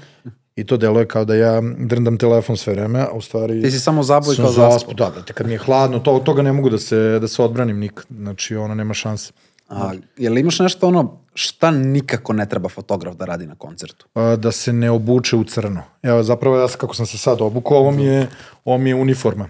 Ovaj, sve crno, čak i ovaj MJ je ono black on black. Čekaj, ne treba da ili treba da se obuče crno? Jel ne treba ili Ne, treba? da se treba, treba. Treba. E, da, zato što ti zapravo, e sad, to volim te, nazvaćemo ih egzitovski i novosadski izrazi na, na festivalima. Znači imaš takozvanu uh, terminologiju, imaš šta je kobasica. Kobasica ti je pa live snimak, to jest tako imaš kameru koja snima nešto live prenost i sve koje ide na onoj šini i ovaj ne smeš da prekineš kobasicu, razumeš, ti ne smeš tu da staneš da, te, da ti ne ufotka potiljak ili šta već. Tako da dok kobasica ide, dok se snima uživo ti takođe na bini treba da budeš nevidljiv. Znaš, sve zavisi što je, e, e, ja sad ne znam koji izvođače da napomenem da je baš nezgodno, da ne smo oni baš naglase, razumeš, ne znam, Boris Brejča, mada smo, ono, znam i njegov menadžer i fotografije i fotografa, tako da nam je ono lagana priča, ali baš sad pokušam da se setim gde nije smelo ništa nigde da se ide, da je zabranjeno, kao i ne mogu da se setim jer mi je sve dozvoljeno, šalim se, ovaj, ali generalno ne smeš da, da, da te vide na bini, znači moraš da si u crnom i i ono, uđeš i izađeš, nema nekog preteranog zadržavanja na bini. Meni je to strava što mi je ostalo, ja sam to naučio na teži način, to je ovo što si pitao, šta mi se loše desilo ili kako već. Uh, uh, Revolution Festival u, u, ovaj, u Temišvaru, Exito Festival, ja mislim da je to prvo fotke, možda bilo 2015. tada u isto vreme kad je bio taj festival prvi Exito, što sam ja radio, uh, popeo se na binu, ja bio obučen ko Limbiskit, ko Fred Durst iz Limbiskita, znači crveni ono NY i ja ono Adidas tri linije, ono Tako si otišao na binu. Da, još ko, ko ja ću ja da nastupam, sad ću ja da uvati mikrofon. Razumeš i tu ovaj Marko Popo, evo pozdravljam ga sad, on mi je dobar saradnik, ovaj sad baš dosta radimo zajedno. Oni su stari klaber. On mi, on mi ono, on je bio tatu zadužen za, za taj deo bine, za produkciju i kao, gde si pošao tako, pa ne nastupaš ti i se presvuci čoveče. Znači all black. Pa da, i tad mi je to postao neki dress code i generalno jako lepo izgleda i elegantno kad se obučeš u crno, ono kao ja sad zamislim sve ovo na meni da je neki drugi boja, izgledao bi... Tu si, sve se uklapa i, pa, da. i uvek izgledaš lepo. Tako da i večeras i svaki put kad radim neki nightlife uh, sam, sam obučen u crno. Znači šareno, nikako to fotografi, nikako, nikako, nikako ne, ne, ne, ne, to ne sme se raditi. Znači tu ta pogača i sad evo ti još jedna terminologija, Uh, ne u stvari pogača, rekao sam uh, kobasica. kobasica ali ima i pogača. Ima i pogača, Šta tako je. Pogača, pa sad ovo, pogača ti je reklame koje idu u changeoveru. Naravno, to nema kad su, to se provuče neki put i kad je DJ, ali uglavnom kad je smena bendova, recimo na main stage-u. I sad pogača su ti one reklame kao Dobro. O, sponzori ovi, sponzori oni, posetite turistička organizacija Novog Dobro, Sada, vamo namo, banje. sve živo što ide i to ti je pogači. Pogaču isto možeš da pofotkaš, znaš. I sad Zbog ti isto, Tako je. E sad ti isto treba da gledaš da to uhvatiš na način da izgleda lepo, ali tad, tad su ljudi ono kao, e, idemo, iskoristimo pauzu, da idemo po pivo i tako to. A druga stvar, tad, na primjer, ekrani mnogo gore, a nema svetla na publici, pa ti trebaš, dobro, sad, sad, ja sad mnogo filozofiram, ali sa današnjom opremom ti možeš da izvučeš i srednji, ono, i srednju crnu i srednju ovu belu, ovu što, što deluje kod da gori kad opališ i napraviš onu finu fotku da, da, da je i za sponsor. Te fotke za sponsor uopšte ne trebaju da budu nešto preterano sad uh, sređene, nego im treba više zbog on, dokumentacije. Ima treba da dokumentacija to, da je bilo, što da, da je otišao budžet. Da. Ali, što pogača? E, ne znam, nikad ih nisam Samo pitao. Samo tako je ušao, nikad ušlo u, u izgovor. Ali šta je fora? E, recimo, znaš kao, i ja kao fotograf, zvanični, opet sad već ne, ali u početku smo radili, kad si tek ruki, tek kreneš da radiš za neki festival, treba da radiš i sponzore.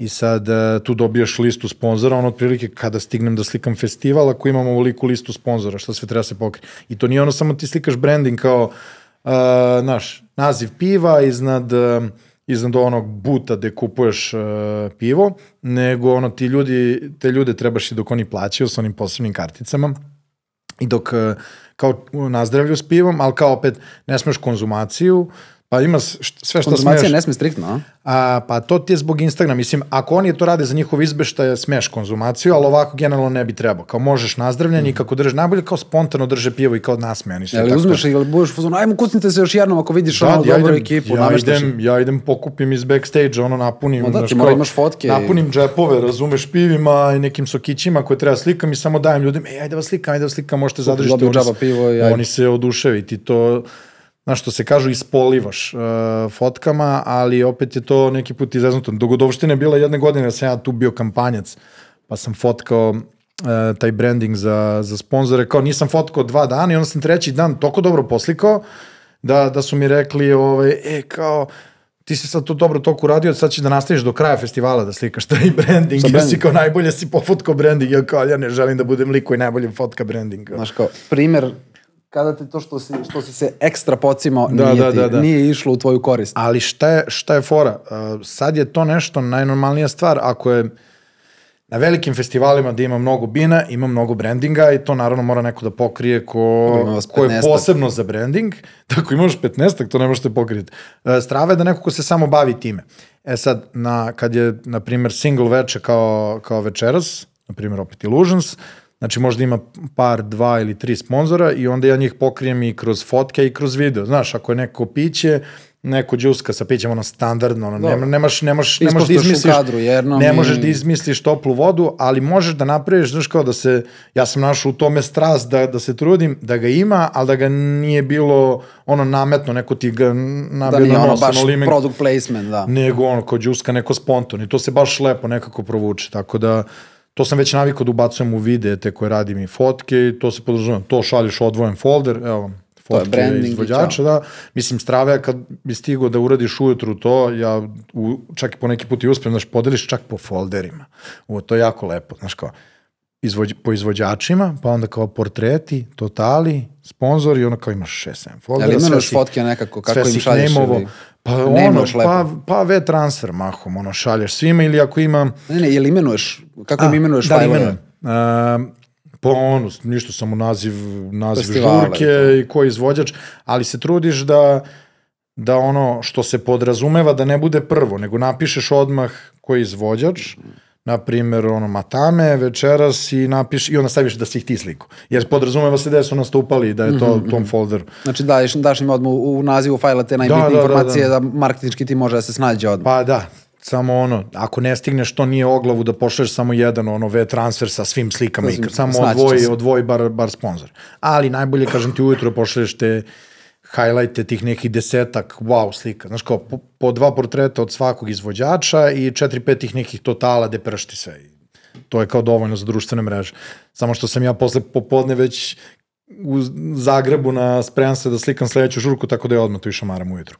A, Jel su cenili baš pogotovo u tom početku uh, klijenti, izvođači pre svega, što tako brzo dobiju, dobiju fajlove, što odmah mogu da kače, koliko sam skonto, većina njih to uvek ispo, ispoštuje i potpiše te i da kažem, i njima je već drago da se pohvale da si im ti napravio fotku i stvarno ono uvek ispoštuju i taguju. I koliko ti je to pomoglo, da kažem, u samom tom ono uzletu u, u celoj ovoj fotografiji? Pa pazi, to je ono čuveno, znaš, pored tog stage selfija koje, koje sam patentirao da radim, imam, ga sad, imam ih sad preko 300 fotografija sa To mi je svim pitanje, živim tako da nadoveži se i na, i na taj stage selfie. A, ima ono čuveno ma foto, što Da. sam napravio, onaj, Caps onaj kao ghetto slang, ma foto, ma bitches, ovaj, tako da to ono baš ma foto piše, što su svi ljudi uzeli da, da koriste takođe i jako mi je drago, ovaj, jer ispalo, ispalo to, toko se primilo, Uh, toko se primilo u, u neko, nekom tom društvu da, da je ispalo kao da sam ja zabao od nekog, znaš, kao nemoguće da ovaj ovo smisli, onda svi, isto kao što sam krenuo u nekom momentu da stavljam ove emoji, one što te napravi iPhone, pa kao dole u ćoša, kad, na primjer, šerujem tvoj Reels ili nešto gde si me tagovo, ja stavim u ćoša kao reakciju i dole. I onda odjednom, znaš, kao nisam izmislio toplu vodu, ali sam kao, ajde, ja uvek se igram pa dizajniram te Insta storije. I samo vidiš odjednom, svi su krenuli to tako da koriste i to mi je drago. Ne mogu ja to da klejmujem, niti želim, ali mi je drago što na neki način utičem tako pomalo na, na, ovaj, na društvene mreže. E sad, to ma foto je zapravo još bilo još iz doba Facebooka, jer ti izvođači uh, ono, bile, sad mi je već sve jedno, jer ti radiš za, za mnogo velike firme, mnogo velike festivale i sve to i naravno ne možeš da očekuješ da će svako te potpiše, ali opet s druge strane i većina me potpiše jer me sad i stranci znaju. I sad um, ali ranije je baš bila zanimljiva ta borba kao okačili tvoju sliku pa nisu te potpisali pa se ljudi u komentarima busaju kakav je to način i to A jesi ono, jel uzmeš, ne znam, po, pošalješ mail ili nešto, jesi bio fazonu, potpišite me, ono, pa, ja sam autor. Jesam, tad, tad jesam, ali ono, zvanično ti ako fotkaš uh, recimo za Exit ili za, za Love Fest ili za koji god veći festival, uh, oni, oni ne, ne moraju da te potpišu, oni su, taj, ti slikaš za festival praktično. Ali je strava, kažem ti, za tako neke festivale gde me DJ-evi znaju, oni me potpišu, ali do sad, ono za njih, pa da kažem više od 10 godina, karijere, u stvari ako, je, ako sam krenuo neću ni da razmišljam kako već fotkam, ali ovaj, de, dešavalo se ono da ne potpišu, pa ti kao pišeš da te potpišu, ali ti bude jako drago. Naprimer, uh, baš tad kad sam radio za Cercle uh, ovog B. Svensena u, u, u Turskoj, uh, na Nemrutu, uh, te fotke su posle izašle, ja mislim, uh, u, u Vogu. Znaš, njeg, da, da, on je kao neki Ovaj, lepo se oblači, oni, oni njegov Burning Man fazoni sa nekim odorama, što bi rekao Homer Simpson, mumu. ovaj, uh, i, s- i sa onim njegovim šeširima i izašao u Vogu i ovo tih par slika izašlo, izašlo u Vogu i kao potpisali kao strava. A i ako ne potpišu, kao nije bitno, ja sad kao, Ti si izgradio već stil, da kažem, ljudi kad vide tvoju fotku znaju da je tvoja fotka. Po mnogim karakteristikama, ajde prvo one vimbratne boje. E, to, to često mi su i svi kažu, a ja, ja nemam taj moment. Najiskrenije, kao nije lažna skromnost, nego ja sad kao... Pazi, ja jedan baš- kroz jedan znam da je tvoja fotka, ne ja moram ne znam, da ja vidim. ne, mislim, ona će večeras, slike od večeras će verovatno biti prepoznatljive, ali ja ne znam kako ću da ih editujem večeras. A jel imaš, uh, jel imaš kao neke svoje presete ili svaku fotku gradiš od nule? Kako, jel imaš kao, ono, ne znam, preset za žurke, cap pa odatle idem, koja ti je E, kao, polazna naravno tačka? da imam, imam 10 preseta. Edge 1 možete poručiti sa ovim linkom. Kao, Jel si pravi narednih nešto ti je lakše sata. rad ili kao cepaš od nule? Um, pa praktično od nule, ali nije ni toliko od nule, imam tih neki par priseta sačuvani koji su mi za, za nightlife, za, za festivale. Ali uvek moraš ti tu nešto da čačneš, što se podrazumeva i ono, jer, jer ja ne kontrolišem svetlo. Ti ako imaš kontrolisane uslove svetla, ja znam da slikam u pet popodne i da je sunčan dan. Znaš kak, na šta treba da podesiš. Ako slikaš u studiju i takva, takva ti je rasveta, jačina, znaš kako treba da podesiš. E sad, na, na žurkama je to diskutabilno i to ti na neki način daje e, mogućnost da se igraš. Jer ti ne moraš da ubodeš uh, ten lice i boju lica kako treba DJ-u, jer na njega je, ono, s jedne strane zeleno, s jedne strane plavo svetlo ili žuto, na primjer. I ti tu možda se igraš i te boje još više da ispotenciraš ili da ih smanjiš, ili možeš čak da budeš toliko kao deduktivan u tom procesu, da mu smanjiš sve i da mu, da mu na licu dovedeš da izgleda prirodna boja kože. Znaš, iako je... Kako ti ti ono crveno i plavo da ukloniš ili kad ga pukne ona zelena onako po koži. Pa da ti ideš u ekstreme, razumeš, sa, sa, sa histogramom, baš, baš se igraš. Zato je, zato je to sve mm, e, paradoksalno da ti uložiš puno vremena, a i uložiš puno vremena e, posle u editu. Znaš, jer sad ja kao, ok, njima, ja sam kući došao, istuširao se, krećem da radim, ono već sedam. Znaš, kao, ne. Izašlo sunce. Da, izašlo sunce, njima trebaju slike do 9 maks, razumeš? Znaš, Da, oni kad već ustanu, ne krenu spava dalje. niko, čekaju te. Znaš kao, e će skoro, pa ti nabio tenziju, razumeš sve Jel to. imaš to? Oni kao već znaju da to stiže uskoro, jel imaš, E, a, za, osjećaš a sad, tenziju? pa, ne, pazi, ja mogu slike završim za 15 minuta, jer njima treba 10 highlighta, a ja to ne želim. Ja hoću da završim sve i da odem da spavam i Da si ti miran i niko aj, ne može da kupi tu lepotu. Ono, znam da sam završio posao i otišao sam da spavam i kad se probudim ulazim u novi dan i idem dalje da radim. Znači, to je, to je suština. Samo što ne može uvek baš da bude tako i ti se malo boriš sa tim. Ali u 99% slučajeva uspem, čak ono, kolegi iz branše su u fazonu kao iz, iz, iz drugih zemalja, kao, je, kao ajde iskuliraj s tom brzinom rada, kao svima, svima nam Svi smo spori. Svima nam traže slike do sutra ujutru sve da završimo. Kao kako Edge završi sve do sutra ujutru, što je najjače. Ja sam to uspešno preneo i na, na svoje saradnike i ovaj, kad radimo zajedno neki festival, znači ekipa, mi sve fotke završimo. Znači sve i onda idemo da spavamo. To je, to je fora. U 12 popodne. Pa u najgorem slučaju, znači oko 9 nam je optimala da, da završamo sve.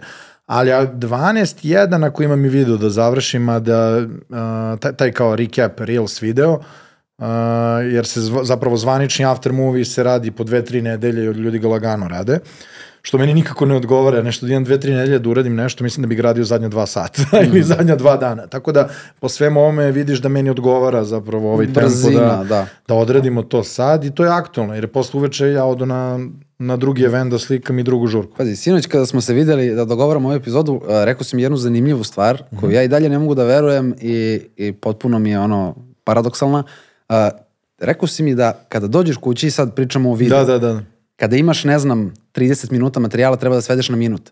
I treba da brišeš, kada treba da pregledaš sve, da pobrišeš i da je tebi to terapija. Da, meni je to prelepo. To je, Kako? to, Kada, I pogotovo to je- kada ga svedeš na, ne znam, Je- pet minuta najkvalitetnijeg materijala i sad treba da brišeš i dalje dobre kadrove da ga svedeš na minut, umesto ja mislim da se 99% ljudi ono nervira, razum, to je tenzija, pritisak, ti kao meni to terapici, kao u, to mi smiri. E, Kako? treniraš da donosiš jako bitne odluke u, za jako kratko vreme. Ti, na primjer, kao, o ne, šta ću da obučem? Da li ću bež, kao kaki boje e, košulju ili ću zelenu?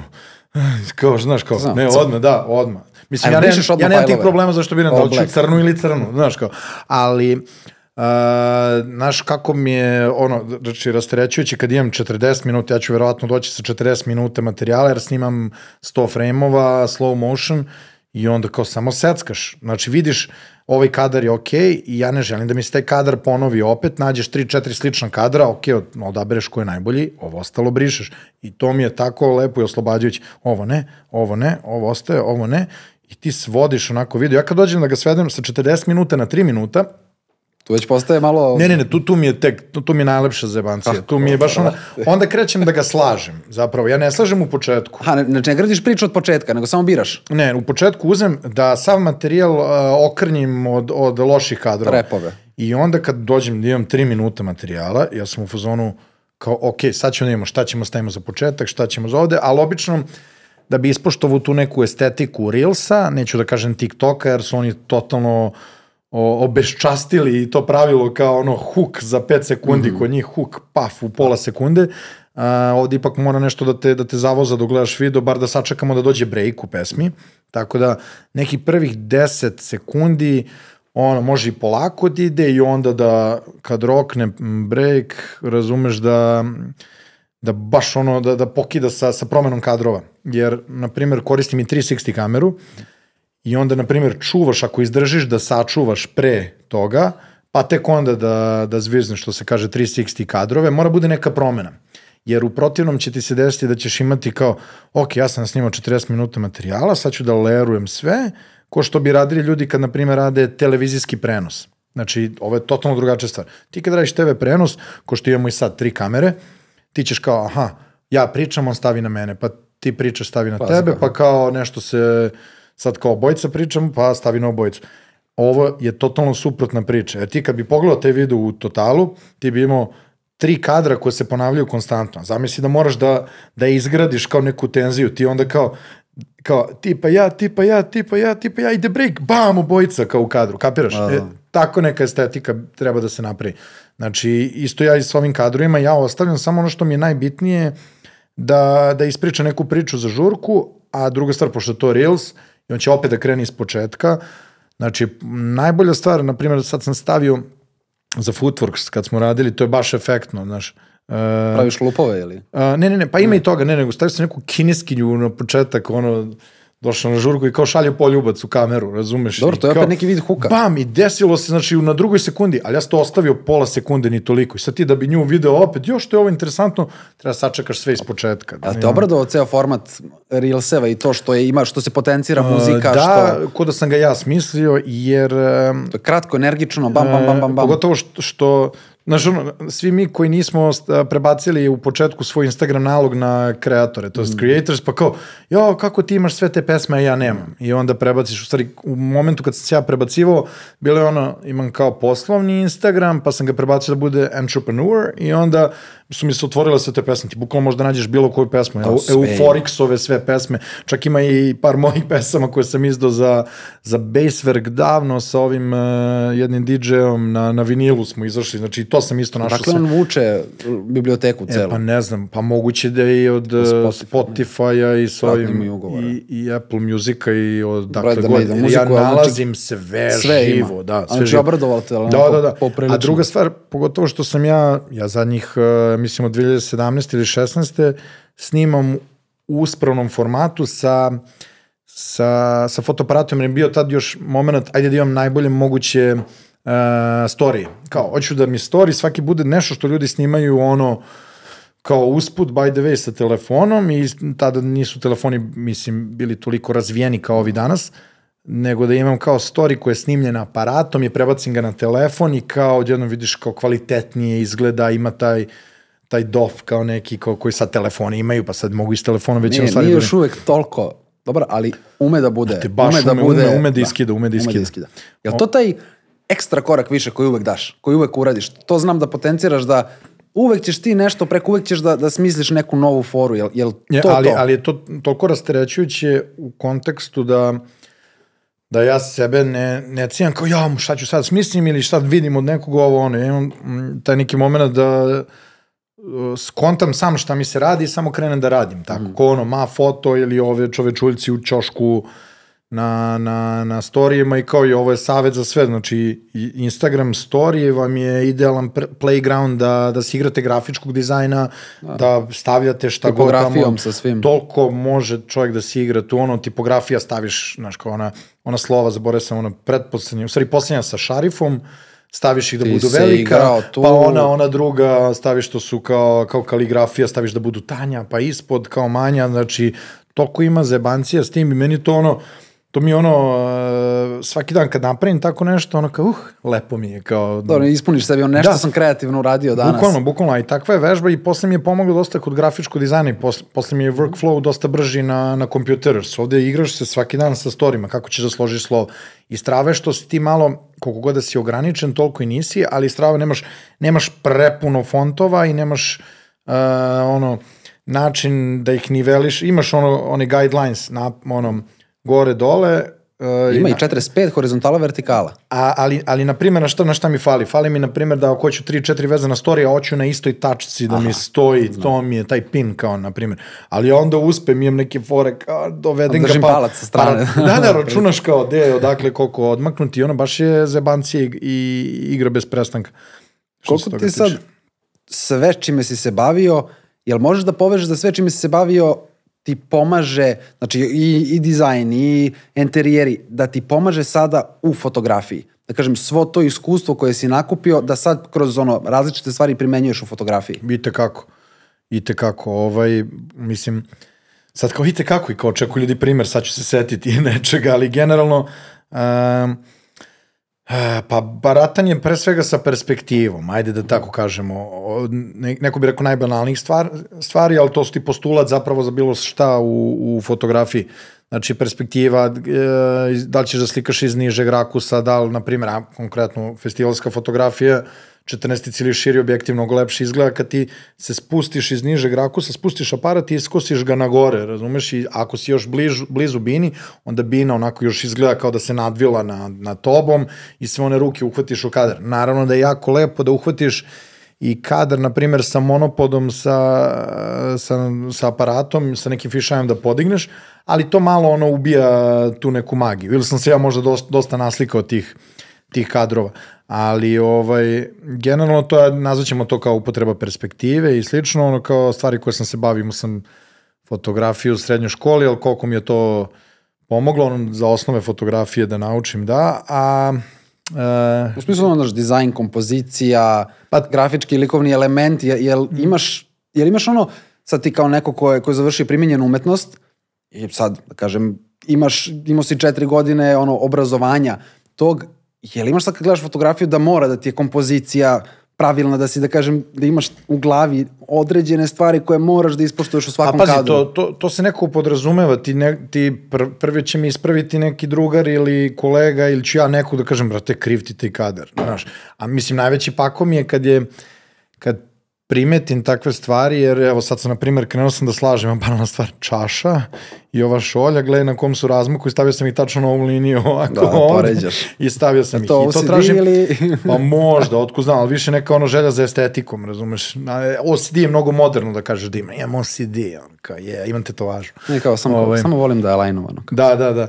I ovaj, a, na primjer, to primetim na žukama i to mi baš smeta na, a, e, a, e, recimo simetrija, znaš, da nije DJ, ako ima više DJ-eva, sad preko kad su festivali, oni imaju slajd kao šinu na DJ pultu i onda kogod sledeće dođe da vrti, oni imaju, na primjer, dekove za jednog DJ-a, dekove za drugog, dekove za trećeg. I sad da ne bi non stop se ono, spojili i prespajali, oni samo pomere tu šinu i uvek je DJ na sredini, a njemu dođe zapravo njegov setup. A sad se to ne, ne dešava svuda. Naprimer, dešavalo se na Nuslip festivalu gde je savršena simetrija, ono hangar, rasveta, ona sova, sve, sve savršeno i onda DJ stoji pola metra ili metar jo. u desno. I ono, znaš, kao nije mi dobro, kako, šta da radim, znaš, onda bi, onda bi stvarno došli, trebali dođu moji skillovi do izražaja, bi onda uzao da photoshopiram DJ, da ga pomeram e, u levo. radio to? pa dešavalo se da, da uradim tako nešto što mi estetski smara, ja onda pomerim malo nešto u desno ili u levo, ali ono, znaš, kao, umem to da uradim, mogu sve da, da isečem i da napravim novo iz početka. Koliko, koliko to generalno radiš na, na svojim fotkama na festivalima, da kažem da vidiš nešto nisi mogao da, da odradiš uživo ili da uhvatiš ili u, uhvatio si, imaš par različitih momenta pa jel spajaš jedan, koliko koristiš tu E, fotomanipulaciju E, na šta, na šta mi se desilo? Na primjer, na Lofestu je bila problematika jer je, ja sam bio u masi kad sam hvatao Totala i posle sam se vratio da uhvatim e, kako se zove, William Đoko, DJ, uh, njega da li sam mu dobro izgovorio ime, ja sam nadam da jesam, ali tako ga znamo, Đoka, Đoko, Đok, si sliko Đoku. Ovaj, njega smo fotkali kad sam ja došao na binu, on je onda rekao, javio samo menadžeru ili ovima stage menadžerima da smanje svetlo ti dođeš da mu uradiš portret, znaš si koliko je mračno da meni ne pomaže 85-ici 1-2, a druga stvar, on pleše čovjek sve vreme, on je u pokretu, on je ono agilan, je džuska sve vreme i sad ti, ok, mrak je i čovjek pleše, idem kući, šta da radim, znate, znači kao ne možeš ništa, ne mogu upalim svetlo, ne mogu RGB. zdravo. Da, bukvalno. Ali je fora što je, kako se zove, uh, pušio pljugu, razumeš, i onda kad hoće da zagasi pljugu, on će da stane. Ali, ali pa sad foru. Taj sad, znači on kad stane da zagasi pljugu, on će ovako da stane. Koja špoza za DJ-a kad stoji ovako, kad vrti ove gumbiće, razumeš, kad obrće. I sad šta sam ja radio? Ja uzem ovo, pa mu sklonim cigaru u Photoshopu i Pixelu, razumeš, celo i malo produžim player, razumeš, ispadne Ubaciš ko da se drži za player, razumeš. Sad to zvuči komplikovano, u tom, tom trenutku u mraku samo malo pomeriš i središ, ali to tako izgleda, ne, mo- ne možeš da se snađeš, mora da budeš, provalio? prag, Jel mora budeš moment- pragmatičan. Kao, kako brate, si ti to uspeo, niko nije uspeo da uvati tamo kako si ti A uspeo? nije, zato što svi ljudi, ono, ja se, ono, svi ljudi koji tu radimo smo kolegi, ja se radujem kad neko uhvati to, kao jesi pokrio ovo, ja, ja sam je pustio. Aj- onda, i njemu je mirna Ajde, glava, brate, bitno hajde da idemo imate. ima da pijemo, brate, samo popijemo nešto da te se smirim kako si uvatio, to ne moram ja, na primjer. To je ta neka kolegijalnost. Je ono, e, imam portrete, ja sam pokrio, ti sam uvati iz mase. Naravno da svaki festival traži i ti sad trebaš da predočiš od tog dana, na primjer, 100-200 fotografija koje su šarene. Sad, e sad, ako, ako se nešto, nešto izgleda lepo za fotkanje por, portreta, naravno ćemo obojica, trojica, četvori, petorica da uvatimo isti portret, koji još to je lepo svetlo, sad ćemo da uvatimo. Ono, imat ćemo slične slike ili iste. Ali najbolje je raditi tako kolegijalno i timski, svako pokrije nešto i to je to, jer ja verujem moj, mom kolegi, da će on to da ispokriva kako treba i to je to. Znaš, nema ono bojazni sad kao ja si uvatio i ja nešto liči ova slika ili to. Radimo svi, svi godinama to radimo isti posao i jednostavno postoji taj, taj neki vid poverenja. Dobro, to, to znači i, ima, ima te kolegijalnosti kao što smo već rekli. Uh, kada si u masi, laseri, dim mašine, vatrometi, Pa laser, jel si kako, pazi, uh, kako, znači to može da ti ono napravi fenomenalnu fotku, da ti toliko pomogne, ali realno može mnogo i da ti odmogne nekada. Kako, kako uzmeš, uspeš da izbalansiraš, kako si da kažem ono ukrotio sve te lasere, tebi svaki laser na slici izgleda ono bomba i, i vatromet i, i to ono daje taj efekat fotografiji. Ka, jel si imao neka, neke probleme s tim da ti je zadavalo glavobolju, pa ono kako si uspeo da, da ih ukrotiš? sipaj vodu dok krenem A? da pričam. Ajde. Udri. Pa, pazi, problematika najveća je, uh, ta prvo ti je laser najveći neprijatelj, to znaju svi, ono. Koliko si Uh, senzora spržio? uh, pa dva komada, jedan mojom krivicom, drugi ne.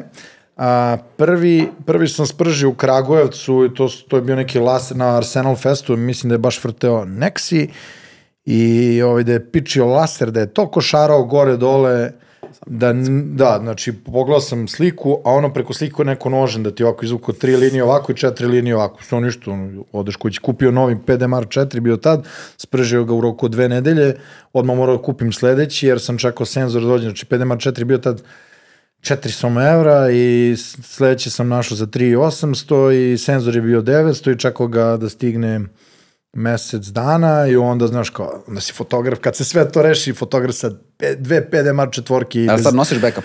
Uh, sad, pa, ono, aparat misliš? No, Da, drugi? jel imaš ono backup telo, ako se sprži, da, da, da, se pa desi. pazi, imam kao od ovog najskupljeg imam još skuplji, imamo ped, ovaj, R5 i R5C.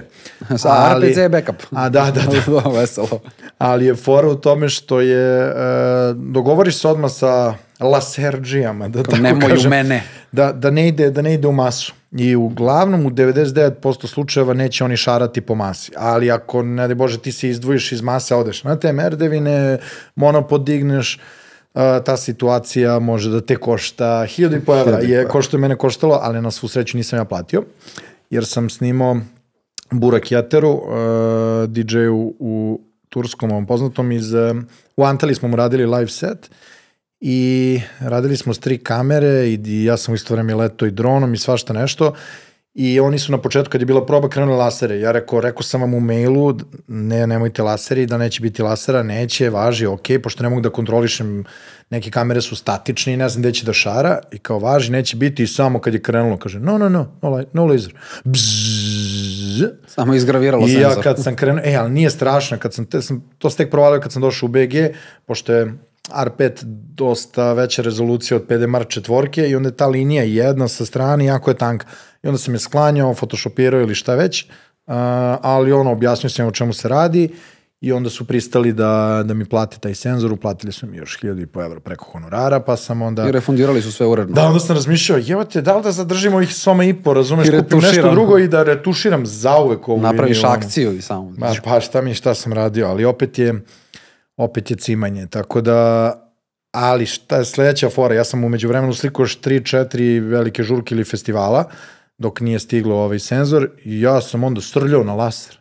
Znaš, skroz. Sa tim istim. Pa da, zato što... Kad ćeš već da ga ka- menjaš? Kad ću već da ga menjam, ali kako sam ga promenio, tako ono, kao potrošio sam život, nemam više, kao imam jedan health, kao. A jesi bar uvatio tad neke ono kadrove koje se ne bi usudio? Pa da, ja sam bukvalno ono pro- prolazi laser tačno pored. A mislim, zapravo su jako male šanse da ti se potrefi laser, ali moja učestalost fotkanja u uslovima gde rokaju laseri je takva da statistički gledano možda mi se desi 5-6 puta godišnje.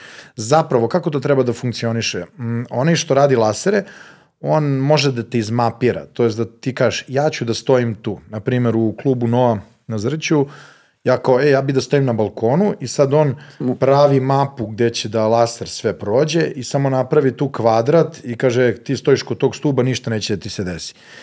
Ovaj, ali sam čuo neke priče, nekome se isto tako negde desilo da su mu izmapirali i otišle mu dve red kamere. Znači ne jedna nego dve. Pazi, ovo su sad kao abnormalne cifre o kojima smo mi pričali, a ovo su astronomsko abnormalne. Znaš, kao red kamera, komodo, ne znam, 34.000 evra koliko košta. Sam misli da ti tu, tu ode senzor, onaj 6K senzor, 8K koje je već. Napišite ako ste imali iskustva. Dole. Pa nadam se da niko nije imao iskustva Nadam se da niko neće napisati ništa.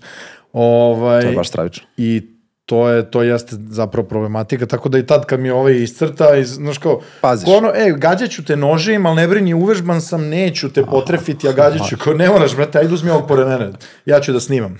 Aj, a za vatromete, kao, jel, jel ti naj... Da, sad, znači, jel imaš komunikaciju s ljudima, ok, imaš komunikaciju s laserima, jel imaš sa pirotehnikom, ono, kad će vatromet, jel imaš Pa, mahom, satnicu neku? a, imamo, a, većina ljudi ima i to recimo konkretno to na Law Festu, na primer stage manager Milko, koga pozdravljamo sada, nam na primer javi u grupi na Whatsappu.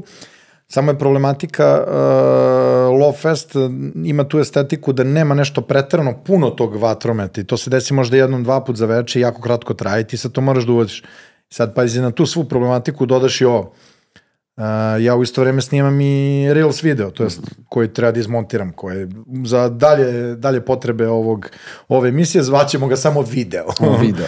ovaj, I sad u isto vreme kao, ok, to će se desiti jednom, dva put za večer, Št, kako ja to da snimim? Ja sad stavim RPC da snima u vertikalnom formatu, dođe, to jest dođem do do, ovaj, do bumbara drugara kamermana koji sedi ima statiku i ono, statičnu kameru i radi live i ograđen je i ja stavim kod njega ono, na, na plato kao mali foh, stavim kod njega um, kako se zove tripod i stavim kameru da snima, da čeka u tom uglu, ja s jednim fotoaparatom fotkam i dignem dron koji pozicioniram u ono, obrane se kamerice, da, koji će da snima. I sad, kao dron je statika, on snima, namestio sve parametre, ova kamera snima, ja sad treba da se fokusiram samo da ja ufotkam to kako treba. I onda se desi to jednom za veče ili dva put je puklo, ja imam snimak iz dva ugla i imam, plus- imam i fotku.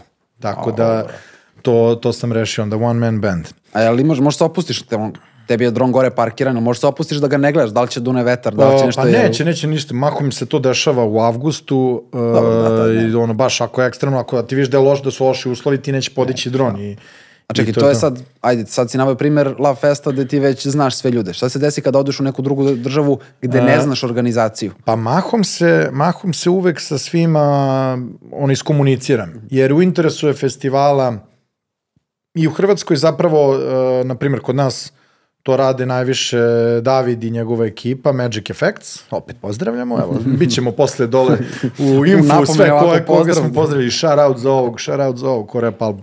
Ovaj, a, zapravo sa njim najviše sarađujem u Srbiji, a preko isto imaš raznih ekipa po Hrvatskoj, njih ima isto ono, znaš ih po osob svakog, Da, ti razumeš? se vratno već upoznao po svim tim Pa da, da, festivalima ljudi. mahom, mahom znam sve ljude svuda i onda se tačno dogovara šta će da bude ako imaš ih na Whatsappu onda zajedno iskomunicirate kad kako šta, ali je fora u tome što nisu ni oni ti koji utiču na finalni ishod kad će šta da pukne. Jer, na primer, čekaš menadžer ovaj, od izvođača, da on javi stage menadžeru, da ovaj javi nama, da ovaj brže bolje napiše sledeći break ili ne znam ja šta. Ako napiše sledeći break, a već pesma kreće da ulazi u break, ti kao, šta kao, daj što pre da fotnem. Pa onda dešava se i sledeća stvar da, da, da recimo ti njih toliko dugo čekaš, brate, i kao, kao, će li se desiti, će li se desiti, i onda kao smoriš se, okreneš, on, pšu, pa ti ne kažu da će nešto se desi. I šta u tom momentu kad si propustio, sad, Pa znaš šta? imaš vatromet jedan i propustiš ga? Uh, pa nije mi se desilo da imam jedan i da ga propustim, ali mi se dešavalo da ih ima 5-6 pa da propustim prva dva i onda me smori tako loš sam krenuo večer, razumeš, i kao hoću da odlepim, razumeš, nerviram se, ali ovaj, uvek, uvek se sve stigne i uvek sve može da se, da se ispokriva, pogotovo ako snimaš sa dronom i snimaš sa još jednom kamerom i fotkaš sa To je ono trećom što smo na kamerom. početku pomenuli multitasking na, A- na nevjerovatnom nivou. Ali šta je isto fora, dešavalo mi se, na primjer, kad je bio David Guetta, on ima sad ove njegove, on samo parkira svog pirotehničara za, za uređaj i onda meni kažu ovi, ne znamo, on će to da ispaljuje kad hoćeš. I onda se s njim iskomuniciraš s njegovim menadžerom, ok, ali mi bi to da uhvatimo, treba kadar i Sabine. I onda a, trebaš ti da si na bini, ali obično je oni njegov, a, njegova bina je ono podignuta, ono pijedestal bukvalno, ali napred nema, nije zatvoreno, nego su nogari da se vidi on kad džuska, razumeš? I ti onda ne možeš da čučneš iza njega pored u pult, nego moraš da se kriješ iza monitora ovog zvučnika. Znači ono tu, ako nisam, sećam te godine sam lomio koleno i onda sam slikao festival. Znači, posle par meseci, znači ono koleno osjećam, pregreva se ono, odlepiće, ko, ko gimbal, razumeš, pa sad oni motor na gimbalu preopterećen, da, preopterećen, ja kao, molim te, nek pukne nešto da slikam i da idem. Samo da ne pukne I koleno. ja čekam, čekam, no te čučim 15 minuta, bukvalno u jako neudobnom položaju, razumeš? I, ali fora je što okrenem se i sad kao čekam da mi ovi njegov javi i on kaže, so, so mate, we're gonna do like this. When I do like this, it's fireworks. When I do like this, it's flames. Ja kao, ha? Kao, go, go, go, go. I on kao, a pokazuje mi je isto. A kapiraš, ako su vatre, one će da roknu jako, ono, puno svetla ispred njega, totalno su drugačiji parametri, mora da pozatvaram i šater i sve. Ako je vatromet, on će da roka sa prednje strane bine skroz napred u polje i neće toliko, u startu će da osveti, ali posle će više da baci svetla na masu. I drugačiji su parametri za slikanje. I ja kao, šta mi je lik rekao pitan ga opet. So, one more time. Fireworks. Kao, okej.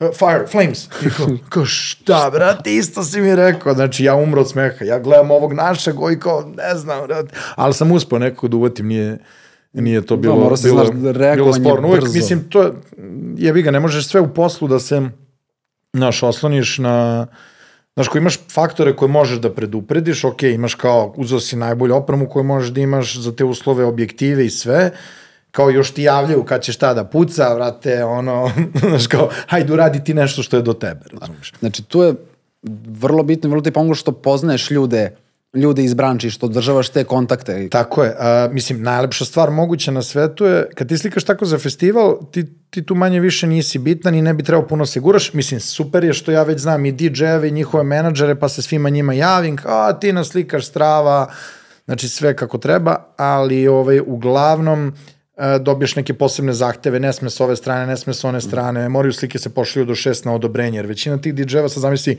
veliki festival, Uh, sada da se vratim na početak one priče, šta je zapravo najveća odgovornost.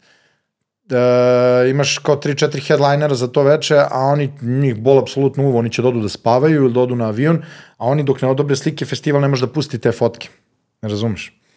To je fora. Recimo, David. David Guetta te godine, znači ja sam čakao i jedno tri nedelje moj post, on, njemu trebalo tri nedelje da odobri fotke. I nisi smeo ništa tri nedelja kači. Ne, ajde, već pusti mene, aktualno. nego festival ne sme da kači. Da. Na tri nedelje smo ga čekali da odobri fotke. O, mašala. Uh, reci mi, sad pomenuli smo koliko je bitno poznavati ljude Mhm. na samim festivalima, koliko ti to olakšava tvoj posao. Uh, koliko je to bilo presudno da na Star festivalu uđeš u, u backstage A, uh, sad.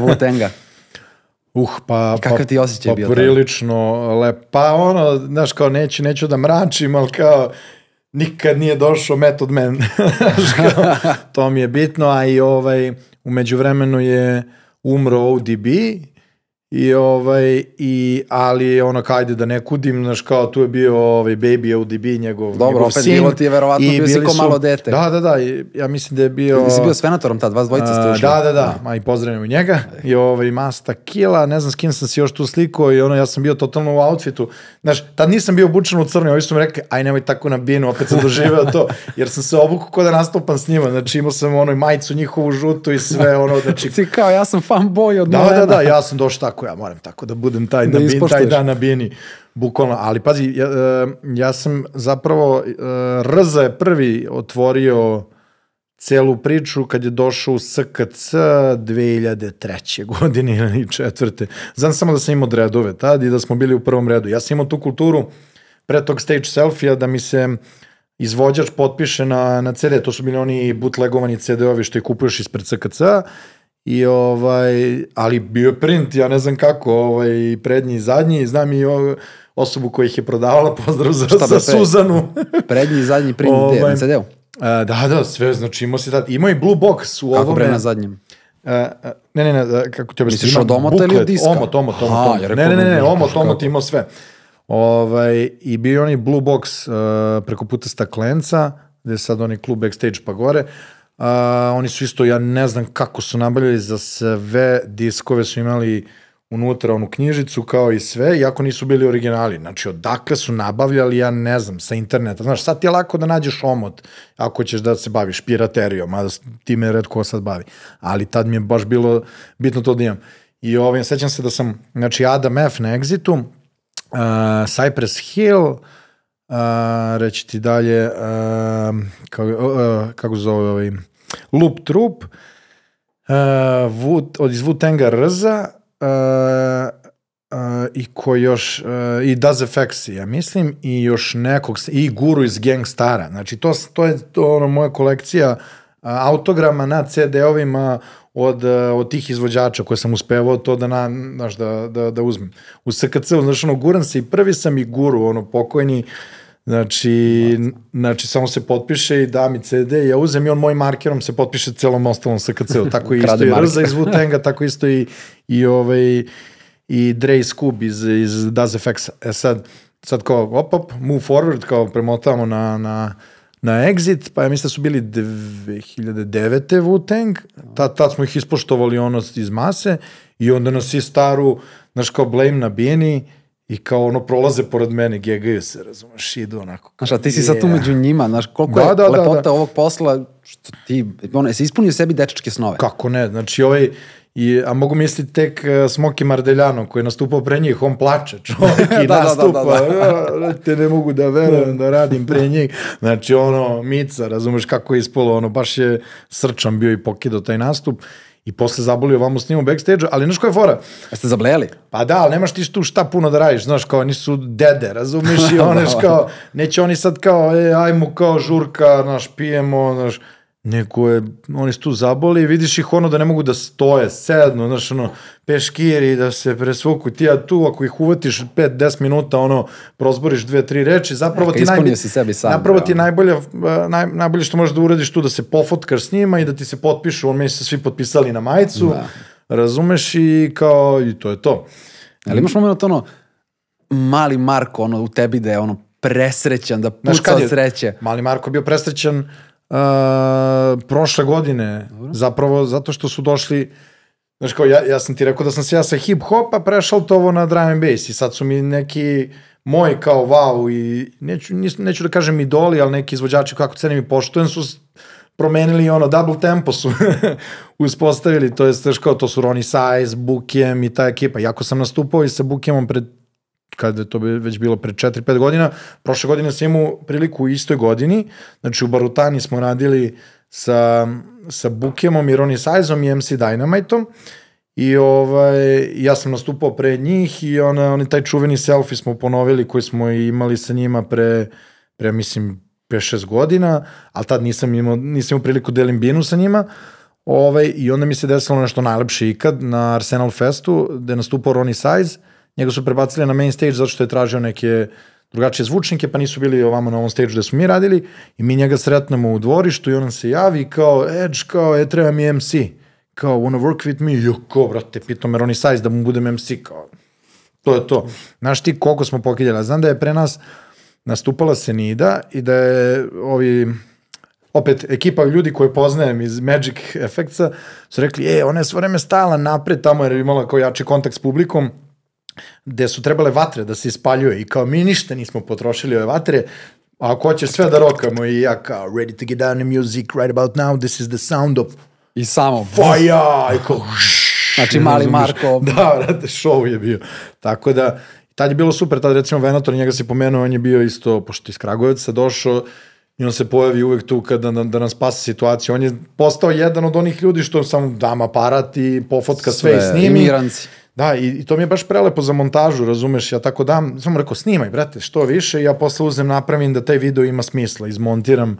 Baš sam skoro izbacio taj video sa nekom našom trakom, koja nam je bila najava zapravo za tu neku mini turneju od šest nastupa, a, gde su kadrovi od zadnjih godinu dana sa svih živih nastupa i sa Exita i sa Arsenala, ma, od Asford što se kaže. I ti na svakom tom nastupu uspeš da napraviš onaj selfie, ili držiš tu tradiciju i dalje? E, pa sad malo slabije, jer se odjednom desila situacija da se ponavljaju, e, znaš, kad, kad si već odradio selfie sa većinom Izjača. DJ-eva, znaš, kao imam s Boris Brejčom tri puta.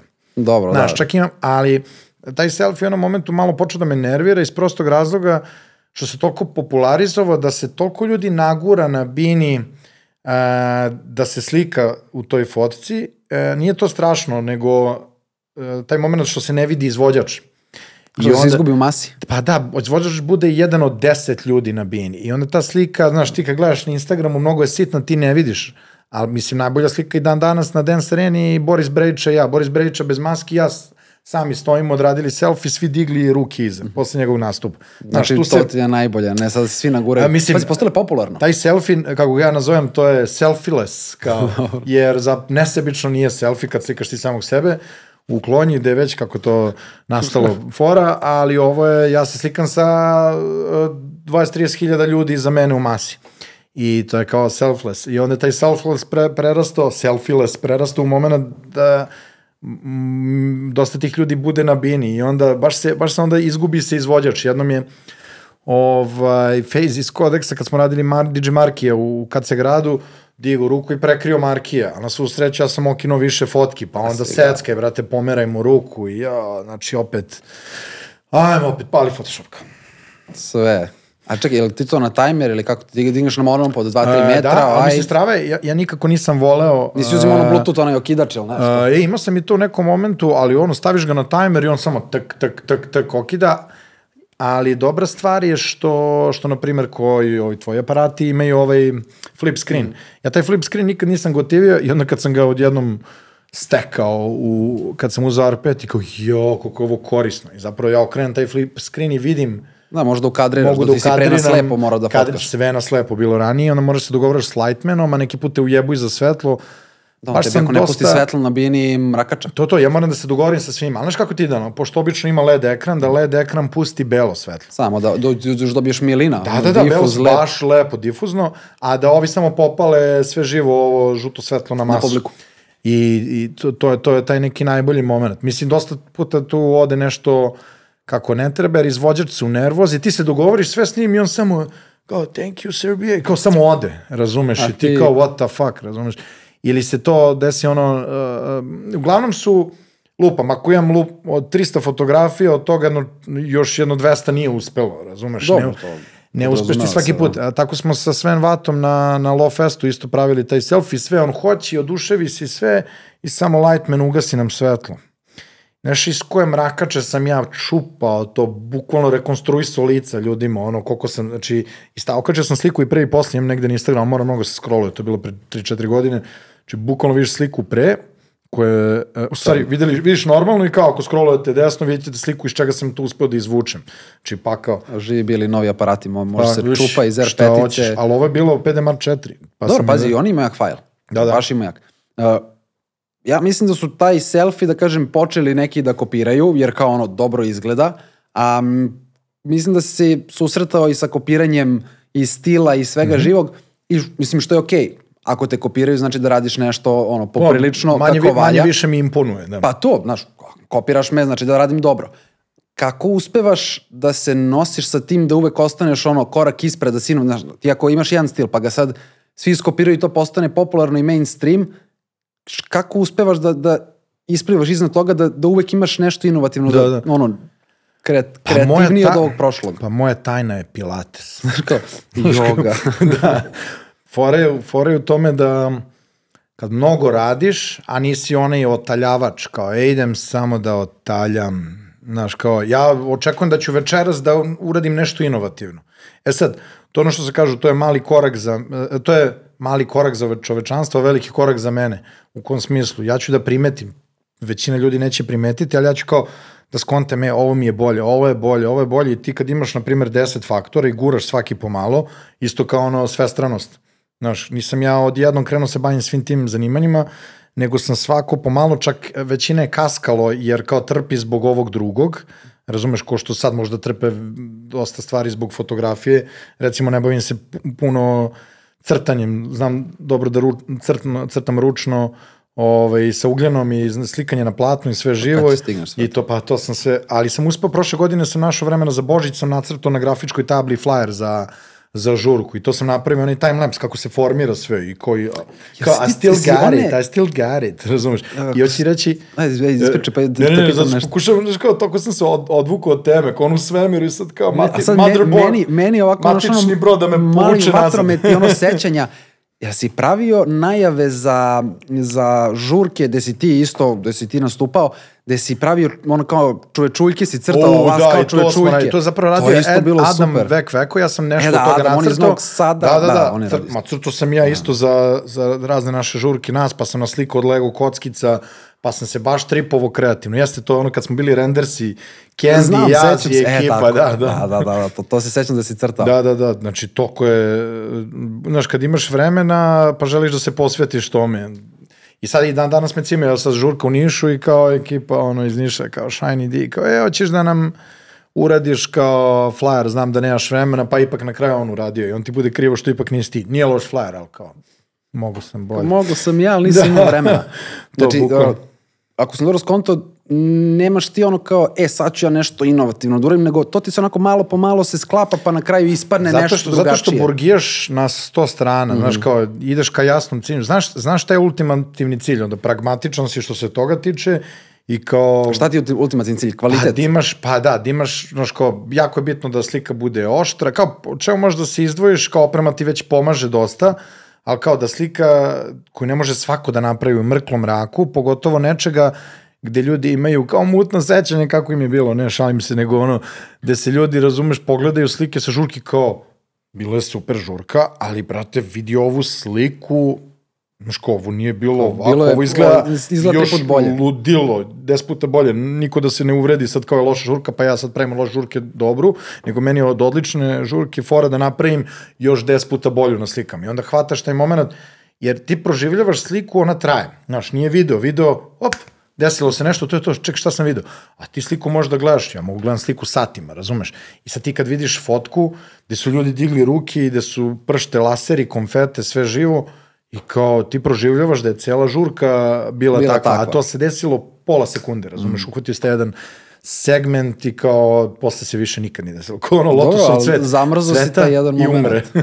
A, sad kada pogledaš u razdoblju, ne znam, 10-15 godina koliko fotkaš, sve se to malo po malo menjalo. Mhm. Jel imaš ono, pogledaš sad unazad i da si nekad bio ono zaluđen za ono stilski, ja radim tako i to je tad bilo najbolje sad pogledaš iza lupom HDR ili što i pogledaš iza fuzonu si Pa da, ja to imam moment, radio? to imam moment kad pogledam unazad mesec dana, a ne a ne 5-6 godina, o, to staro od 5-6 Znači, godina ne, ne sam ne gledam. gledaš. Ali fore da je u tome što je u tom momentu to bilo ono što je potrebno mm. publici i društvenim mrežama i ljudima. Znaš, kao, inovativnost ne mora da dođe samo od a, nečega po svaku cenu, ja kao šta bi mogo da uradim da bude drugačije. Ja sam se, na primjer, na, jako ta fotka konkretno kad je pogledam, ona ima i šuma i sve, ali, na primjer, Ben Clock na Love Festu pre 6-7 godina ja sam uvatio um, fišaj, znači svi ćemo slikati ovako s fišajem, ja sam ga okrenuo ovako,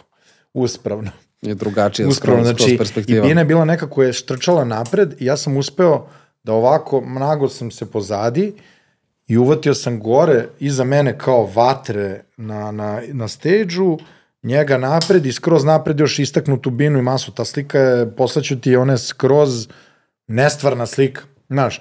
I posle meni imponuje kad mi i drugar ovaj, s kojim radim Love Fest, na primjer, kaže, e, Evo, nije onakva bina ko one godine, ali kao probali smo da, da repliciramo ovu tvoju Tvoj fotku. Kadar. Da. Ali imaš ono neke momente, ono, ta fotka ti ono recimo, da imaš neke omiljene fotke da si u zonu, brate, zabeležio sam moment, tipa znam da svake godine na Exitu imaš onaj jedan total bočni od, od e, main da, stage-a kad izlazi sunce i to ti ono tradicionalno. Iste, znaš, ono, već, već ljudi do tog trećeg, četvrtog dana na toj ogradi pocepaju, na onoj žici pocepaju malo onu ogradu ciradu i kroz to se fotka.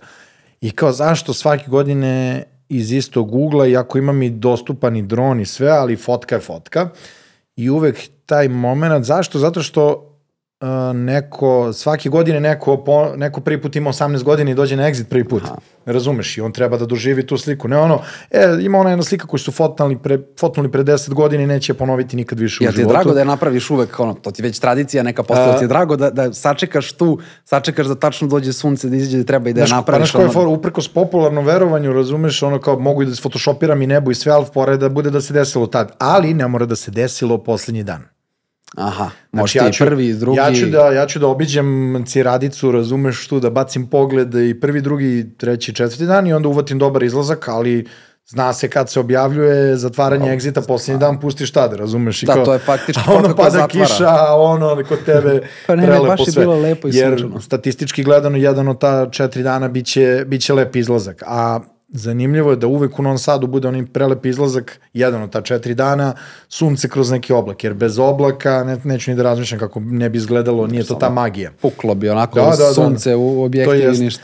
Ove, ili bi onda bi sliko da je baš nisko, pa ono, tek krenulo da se žuti nebo, ali to je taj moment da ti hvataš i tu, da kažem, noćno svetlo, ono, limelight, što se kaže, popularno od, od stage-a i masu i da hvataš izlazak sunca, pa kao ta dva se sukobljavaju.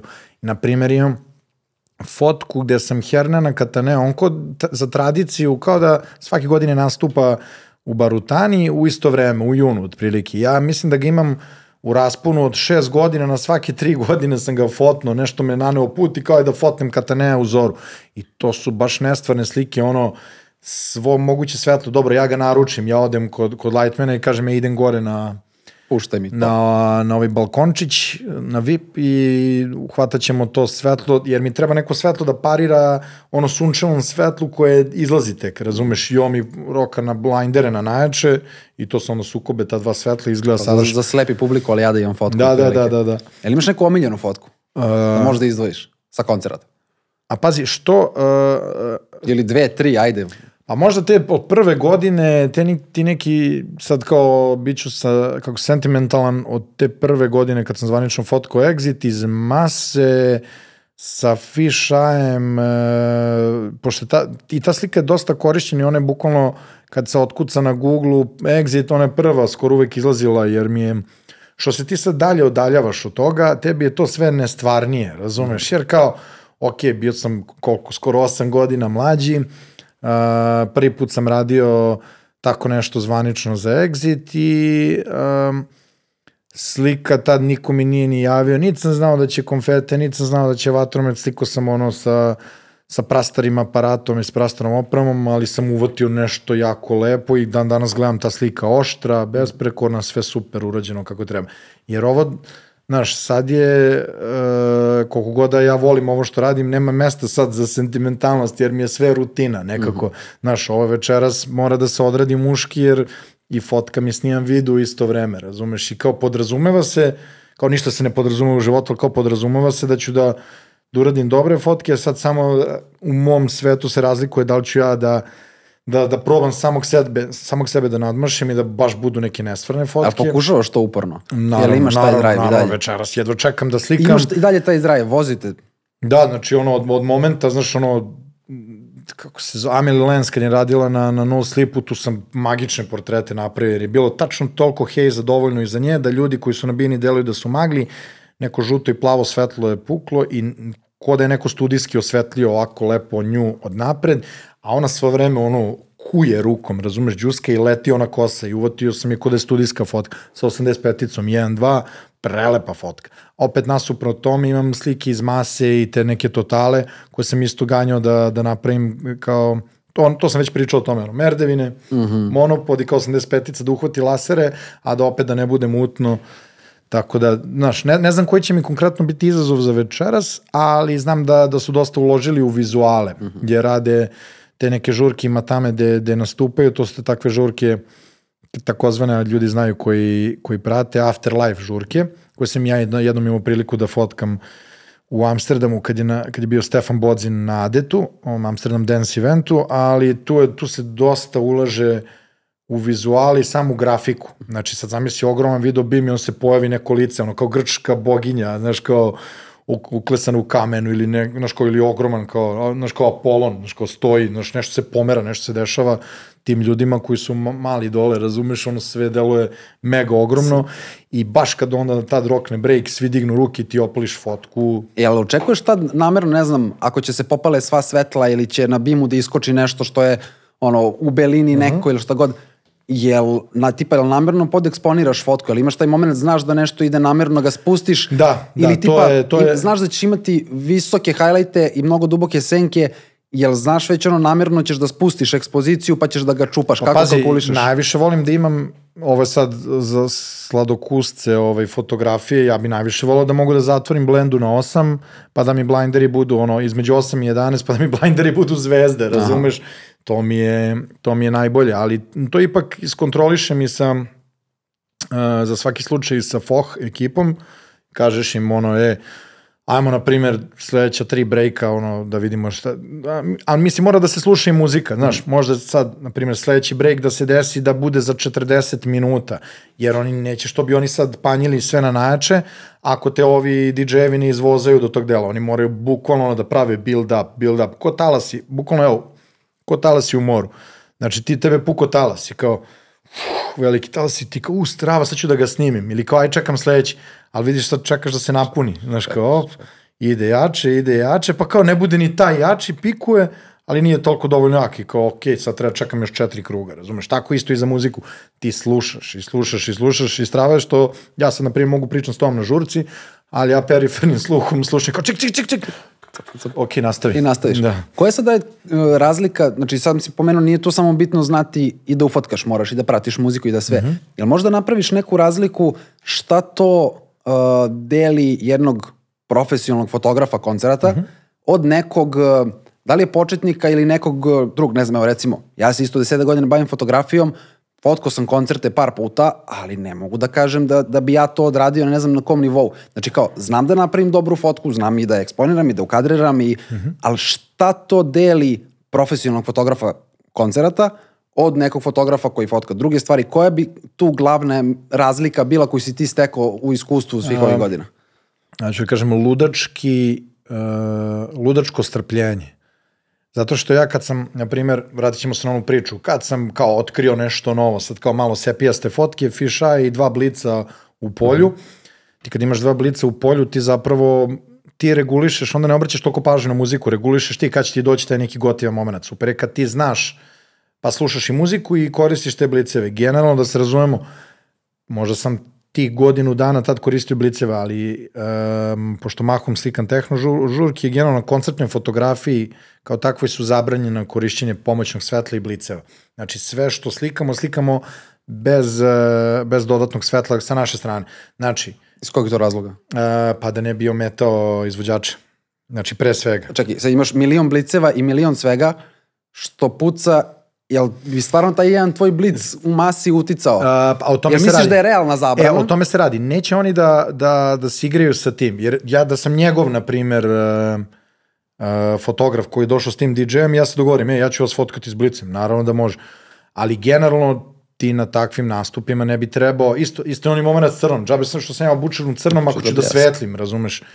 I ovaj, i generalno, to je pogotovo u klabingu kad je ono mračno, razumeš, tebi treba blic ili neko svet. Zato postoje oni RGB-ovi mali sa kojima dosvetliš malo za portret i tako to. To je sve dozvoljeno.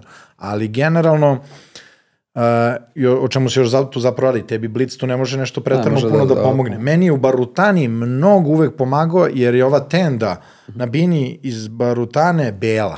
Pa si mogao da ga odbiješ lepo da, Da, padne. i znaš kako lepo bounsuje, ali opet ti napravi neko prečudno svetlo, gotivno, meni sve to izgledalo ono stripovski, što ti kažeš, roko sam i u HDR i ono i Clarity na max i sve živo, ali je fora u tome, št- i onda to kad još baciš tu neku crno-belu sepiju, te slike izgledaju nestvarno, ono, teksture, lice, sve, baš izgleda ludački lepo. Jesi li bio Cla- Clarity na max? Uh, Jesi nikad nisam, nikad nisam na max, da, ali kao, volao sam da, da, da rokam Clarity. Sad, ga, sad si naučio da ga doziraš. Sad ironija života idem u minus 5 sa Clarity. E, Ideš u minus? Mislim da nisam u životu otišao u minus. Imao sam I period... nisam, I nisam jedini, i to mi više ljudi kažu da idu u minus 5, zato što aparati su toko napredovali. da su preoštri. Pa da, i onda nemaš, nema potrebe da, ti- da ti tu nekako nešto dodeš. Naravno, uh, ja negde, neg, sad sam se skoro igrao da je bilo baš dosta svetlo na ovom footworksu i onda sam baš namerno, ajde da ga zašarpenujem i da mu izrokam clarity i sve to, ali onda moraš malo da, da spustiš na licu i onda opet, uh -huh. sad ću kao sad svaku fotku da otvaram u Photoshopu i kao da sređujem Da lice, da je povuklo i na clarity na licu i to je malo, malo problematika, ali uh, nagrađujući je proces, jer ti dobiješ sve onako napucano i istaknuto. Znaš, ja to kad sam se baš, ironija života, kad sam se baš ložio na Clarity, ovaj, da sve bude ono prelepo, oštro, istaknuto, teksturalno, maltene 3D slika, a nisam imao opremu koja to može da podrži zapravo i nije postojala pretrana oprema koja to može da podrži za široku masu i upotrebu sad sa ovim kako se zove mirrorless uh, R peticama, znači ti možeš šta, ti možeš da ga oteraš do kraja,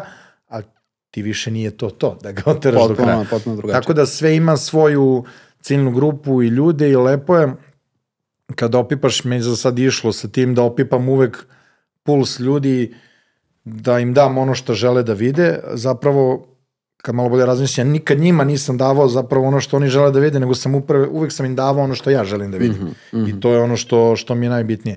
Ali isto tako je, znaš, triki je posao baš, jer može da te zavara, ti kreneš da, ako mi, na primjer, loše krene veči, da se meni ne dopada, ja krenem da preispitujem, kao, šta radim sa životom, što je ovo što te fotkam, brate? Imaš i te momente. Da, brate, non stop. Znaš, kao, a, Koliko samo, si samo kritičan uopšte? samo preispitivanje, pa isto, isto kao ono što si rekao za OCD, samokritičnost je isto kao, e, no, nose ljudi kao dukserice neke urbane, razumeš, znaš kao, e, ja sam samokritičan, imam OCD i to, pa svi mi volimo da kažemo da smo samokritični, ali koliko će nas zaista da obriše neku fotku koja je dobra, ali ti se ne, nešto malo ne svidi. Mm -hmm. Ja sam imao situaciju sede, drugari, kolege pored mene, radim u ovo kida. Ne valja. I ne valja. I ne valja. Ja radije ću poslati manje slika nego da pošaljem nešto što se meni ne Tebi ne dopada, razumeš? Druga stvar, poraz bi mi bio da, da pošaljem slike koje su meni ok, pa nek se svi izlože na svetu na te slike, ali ako meni nisu ok, kao, Bukvalno sam ono u fazonu, jao idiote, izvuku si se, razumeš? Znači, tvoj unutrašnji osjećaj ako ti ne odobri- A, da, aj kao, aj kao da se ne ponovi više ovo, razumeš, ono. Jer zabavno je otići u toku večeri da skontaš šta gde više treba da se posvetiš. Znaš kao, ok, moraš portrete DJ-eva, mahom gledaš, ono, više i laste znaju da treba da uvetiš portret DJ-a dok on radi ovo. Aha. Razumeš, ok, diguje ruku. Razumeš, sad sam krenuo da tražim nek, da, neki novi moment da nije u, da je u miksu, da nije digao ruku, nego da, da izgleda kao da je zadovoljan time što radi. Znaš kao, vidim ga da razmišlja, bira pesmu, da opet bude i to nešto Pa jel ga interesantno. loviš ili ga čekaš na tome? Da, da, na, na primjer, šta je naj, naj, naj, najteža lovidba, da tako kažem, kad sam slikao Black Coffee, a Black Coffee, ne znam da ljudi znaju, on ima, kako da se naj, najbolje izrazim, ja povređenu, ja mislim sad ne mogu da se seti, ne grešim dušu, jednu levu ili desnu ruku. Ja mislim da je u sabraćenoj nesreći, se desila ta povreda i on sad tu ruku uvijek drži u džepu. I on sad, ko ne zna, ne obraća pažnju, rekao bi kao, ok, normalno lik izgleda, ali zapravo nikad ne vadi tu ruku, razumeš, iz džepa. I šta je poenta? On uvek radi miksa i pušta muziku s jednom rukom, samim tim moment kad ovo radi, ili ga nema, ili ćeš ga sačekati, ili mora ga čekaš. I ono, sećam se čekao sat tipo. Sat tipo sam stavio Jednu ispred. DJ-a, da, ba mislim, jedan, trrr, opalio rafal, imao sam i 30. Ali čekaš taj break, čekaš i nigde ga nema. Si jer- pofotko već ostale stvari, pa kao znaš da si ne, mogu to da čekaš. tipo sam čekao ispred, razumeš, da, da uvatim tu fotku. Bio seto tri sata, imao sam Da si sreće. uhvatio? Da, da, da, ali kao, ali onda sledeće godine kad sam došao, nisam hteo da čekam taj moment, nego sam ga čekao da on deluje, znaš ono, ne mora da bude toliko ono očigledno i debilno, sad ti, da svako hvatamo ovako, nego, znaš, da je nešto u miksu, da je on nasmejan ili zadovoljan, da se vidi ta neka energija pokreta i ako on radi nešto što je njemu zahtevno i ne deluje baš prijatno dok miksa i sve to.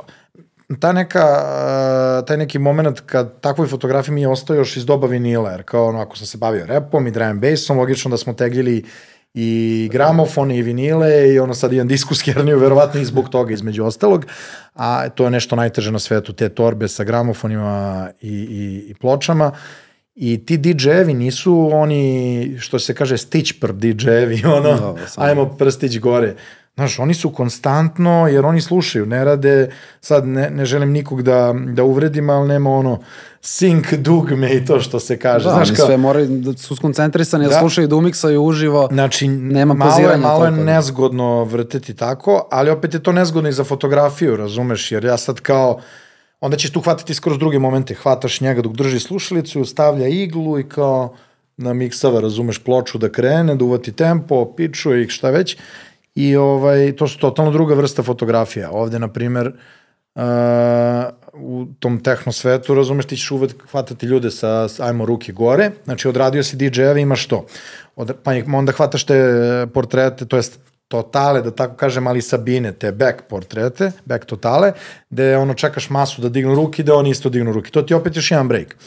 Znači, otprilike sve što hvataš, koliko breakova može da ima eh, tih gde, gde angažuje publiku jedan DJ za veče, Koliko ima 5-6 možda. Pa da, i pritom nije sigurno da će uvek da dižu ruke svi, razumeš, neki put ne ispuštuju. Ja ne znam zašto, možda nije potrefio, um, nije potrefio kao opštu, opšti taj vibe da svi kao, kao jedan, da se prime i da se krene ko šumski požar, da se prenosi vibe, nego je jednostavno uh, build, radi build up cele te povezanosti s ljudima i to će možda kasnije da se dešava. E sad, to se desi sad kao, ok, ovo sam u fotku, aj sad moram i da snimim. I sad, portret od napred, portret sa strane, od pozadi, iz mase uh, i onda sve to isto, jedan drugi krug da snimam. Razumeš? I kad to sve imam, ajmo malo da se igramo. I onda se igraš u smislu a, širi, ono, ideš širine objektiva i lokacijski gledaš da je, ok, ajde da odem u naj, najdalju tačku desno da deluje ono da i dalje ima mase, razumeš?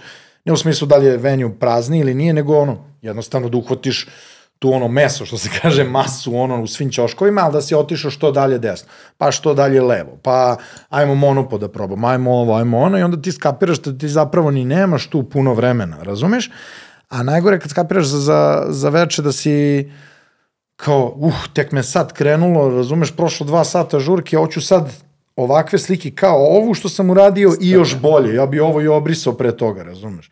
Tako da tu se ono, bore se dva vuka u tebi, da. Ali imaš razliku uh, u smislu kako pristupaš ako fotkaš rock koncert, hip hop koncert, uh, ne znam, tehno, ili ima razlike među toga, ili kao, znaš, treba uvetim to, to, to i to. Ve, verovo ili ne, najteže fotkati rap koncert, jer su reperi ko muve bez glave na bini. Znaš, oni svi idu, ono, ti sad hoćeš da uvatiš šta sam fotkao, ovaj crni cerak na ovoj Mac dodeli nagrada, Znači ja hoću, prelepo bi bilo kad bih imao svo trojicu za mikrofonom, kao Oni jedan je lead, drugi su vokali i sad kao imam jednog u fokusu tu i ovi ostali su pa pa pa kao Ma je gradativno svugde. iza, mutni ili šta već, pa kao, ma nema šanse, znači, nema šanse, to je baš, baš nezgodno za hvatanje, ovaj, ali ono, generalno šta tu možeš, možeš da uradiš, uvek možeš te totale s njima da uvatiš i no, možda se osloniš jer, znaš, kao imaš hypemana, razumeš, to jest MC-a koji, koji će uvek da koketira s masom, e, ljudi, da vas vidim, da vas čujem, ovo ono nešto da izrimuje, što ja kažem da vidim gore ruke, da čujem malo buke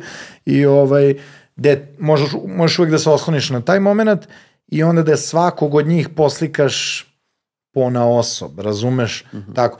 E sad, a, rock koncerti su možda najlepši za slikanje, jer imaš ono emociju, mikrofon, gitaru, sve rasvete. Čista muzika i udri, da. Rasveta i konstantno je isto. On će u svakoj pesmi da otpeva refren, on će u svaku pesmu da nešto kaže publici. Mm -hmm i imaš sad ove najteže i najveći izazovi, možda što mi je najlepše za slikanje, ovo što slikam, opet kažem večeras, a, to je tehnožurka.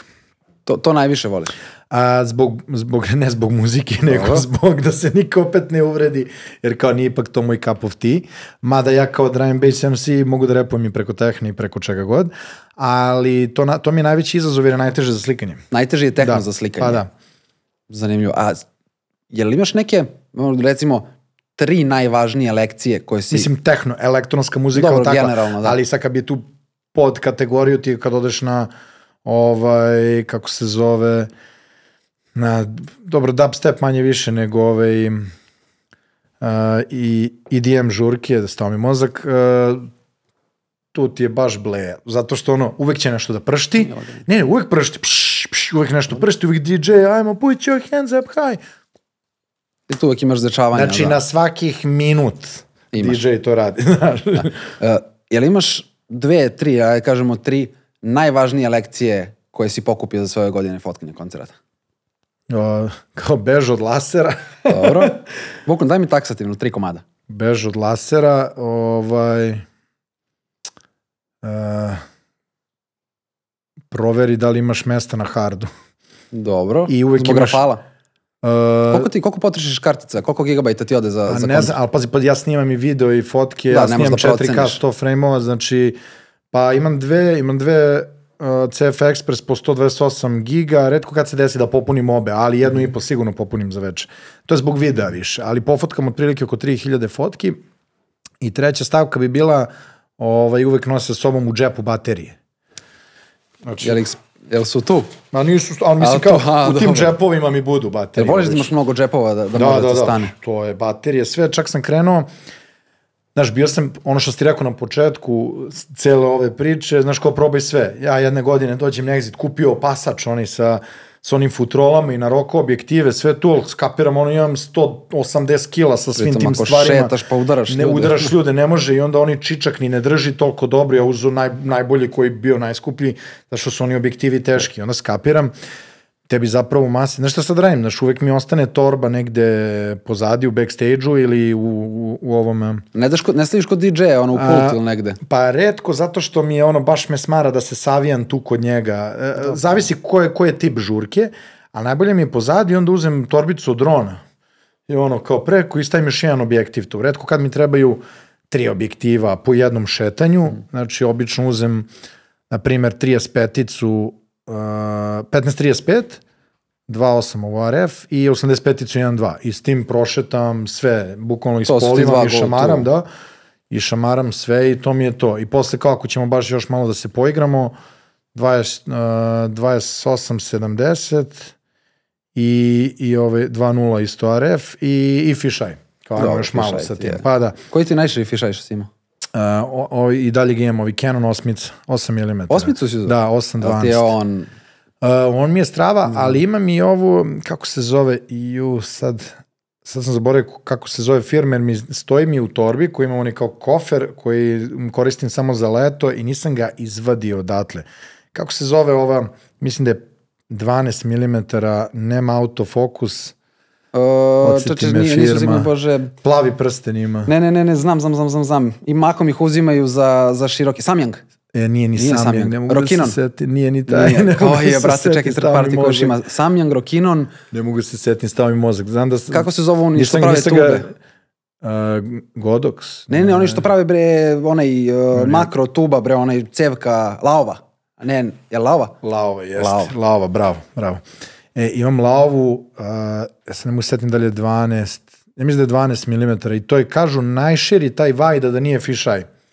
A ne krivi, ne krivi ako fišaj šta? E, ne, E, pa pazi, ni, ni da 14 zakrivi, ne da. krivi, op, ni 14 ne krivi, ne krivi ni 15 nego onako e, ne krivi, nego, u stvari, ako ćemo da, nego samo izvrće malo perspektivu, a ovaj fišaj baš ga zaobra. Dobro, on pravi krug. E sad šta je fora? Uh, ova je 12 i ona je kao najšira, ali meni je pravila problem zato što je ona za, ima EF navoj, a ja sam morao da imam onaj distancer i onda kad nju stavim, uh, pošto je manuelni, ti gledaš na koliko, na primjer, subjekt mi je udaljen kao 0,7 metara, to je 70 cm, ja navrnem, ja da tebe uslikam, ali nije zbog... Drugačije imaš distanci, imaš dodatnih 2 cm. Ali tu. on mu da nešto puta ne znam koliko i znaš koliko mi je bilo teško da Da da, definišem, morao sam da lepim ono stikere gde mi je zapravo ovde je metar, ovo je ovo, sve pomereno za malo. I ovaj, jedan put me baš zeznuo, ja sam mislio da je van fokusa, baš sam se oladio, jedan put me zeznuo baš, pa mi je nešto promašio i onda kao tad, kao imam ga, ali ga slabije, slabije koristim. I nema stabilizacije, baš, na primjer, ova Canon RF uh, 1535, To je sad najšire što Canon ima, ja mislim. Da, ali znaš kako lepo kad ti vidiš 15-icu, uh, a da, da se ne cima ništa, ja kako god nju da cimnem levo Da, desno. ima stabilizaciju 1535, ima. Ja mislim da ima, nemoguće da, da je on tako stabilno, trebalo bi da da. Što ti sad čekaš da izađe neki široki RF, to ti je... Pa da, još Fisheye RF da imam i sad bi, evo, baš sam se bacio u prodaju 70 200 28 trojke EF da uzmeš. Da i onda mi ne treba uopšte ovaj, kako se zove, RF. dis, nije distancer, Adapter. Se, adapter, da. adapter. Uh, za kraj, da privodim kraj, već smo pre, pre, prebili dva sata. Uh, savet, znači, samo zamisli sad neke uh, klince koji uh, hoće da ponesu fotoaparat na koncert, hoće da uđu u koncertnu fotografiju, da počnu. Uh, svi smo mi bili na tom nekom početku. Ko je neki glavni savet koji bi, koji bi im ti dao? E, e, savet u Srbiji to može jako lepo da se napravi, zato što bilo gde u svetu, ako god da sam pričao sa fotografima, malo su ljudi striktniji oko toga da ti dozvole ulaz na festival. Ti kod nas možda kažeš, dobar dan, ja bi da fotkam volonterski, ko, s- š- nikome se ne gade džabe fotografije, razumeš?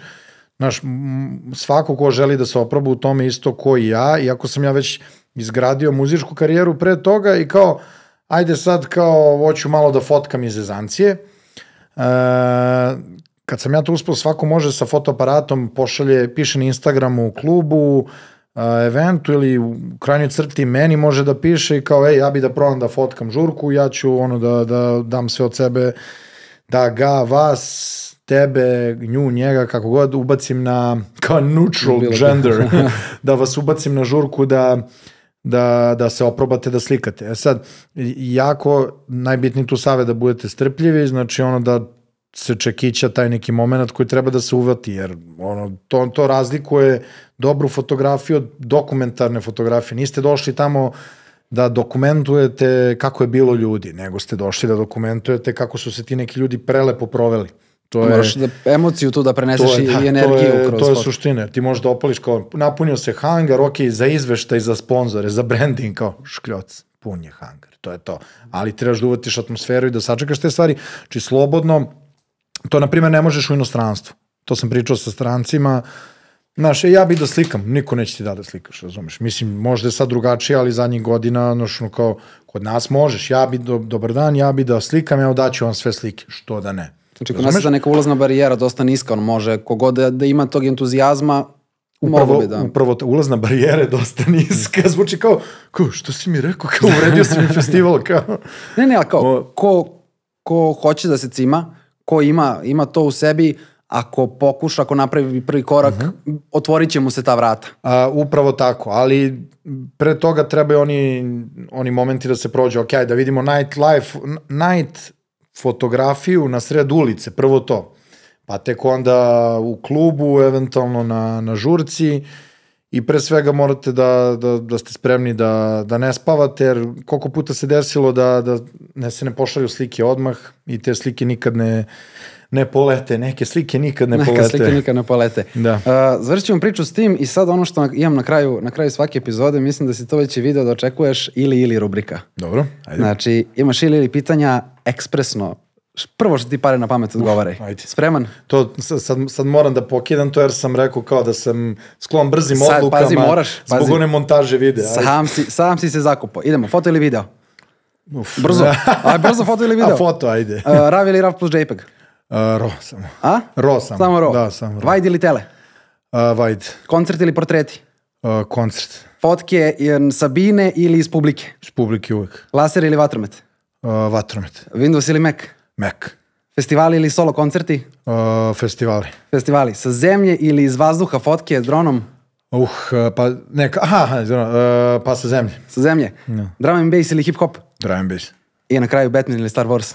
Be Batman. brate, Batman. ga, Hvala ti puno što si bio gost Hvala tebi što si me zvao. Ćao. A vama, dragi gledalci i slušalci, hvala što ste ostali sa nama do samog kraja ove epizode.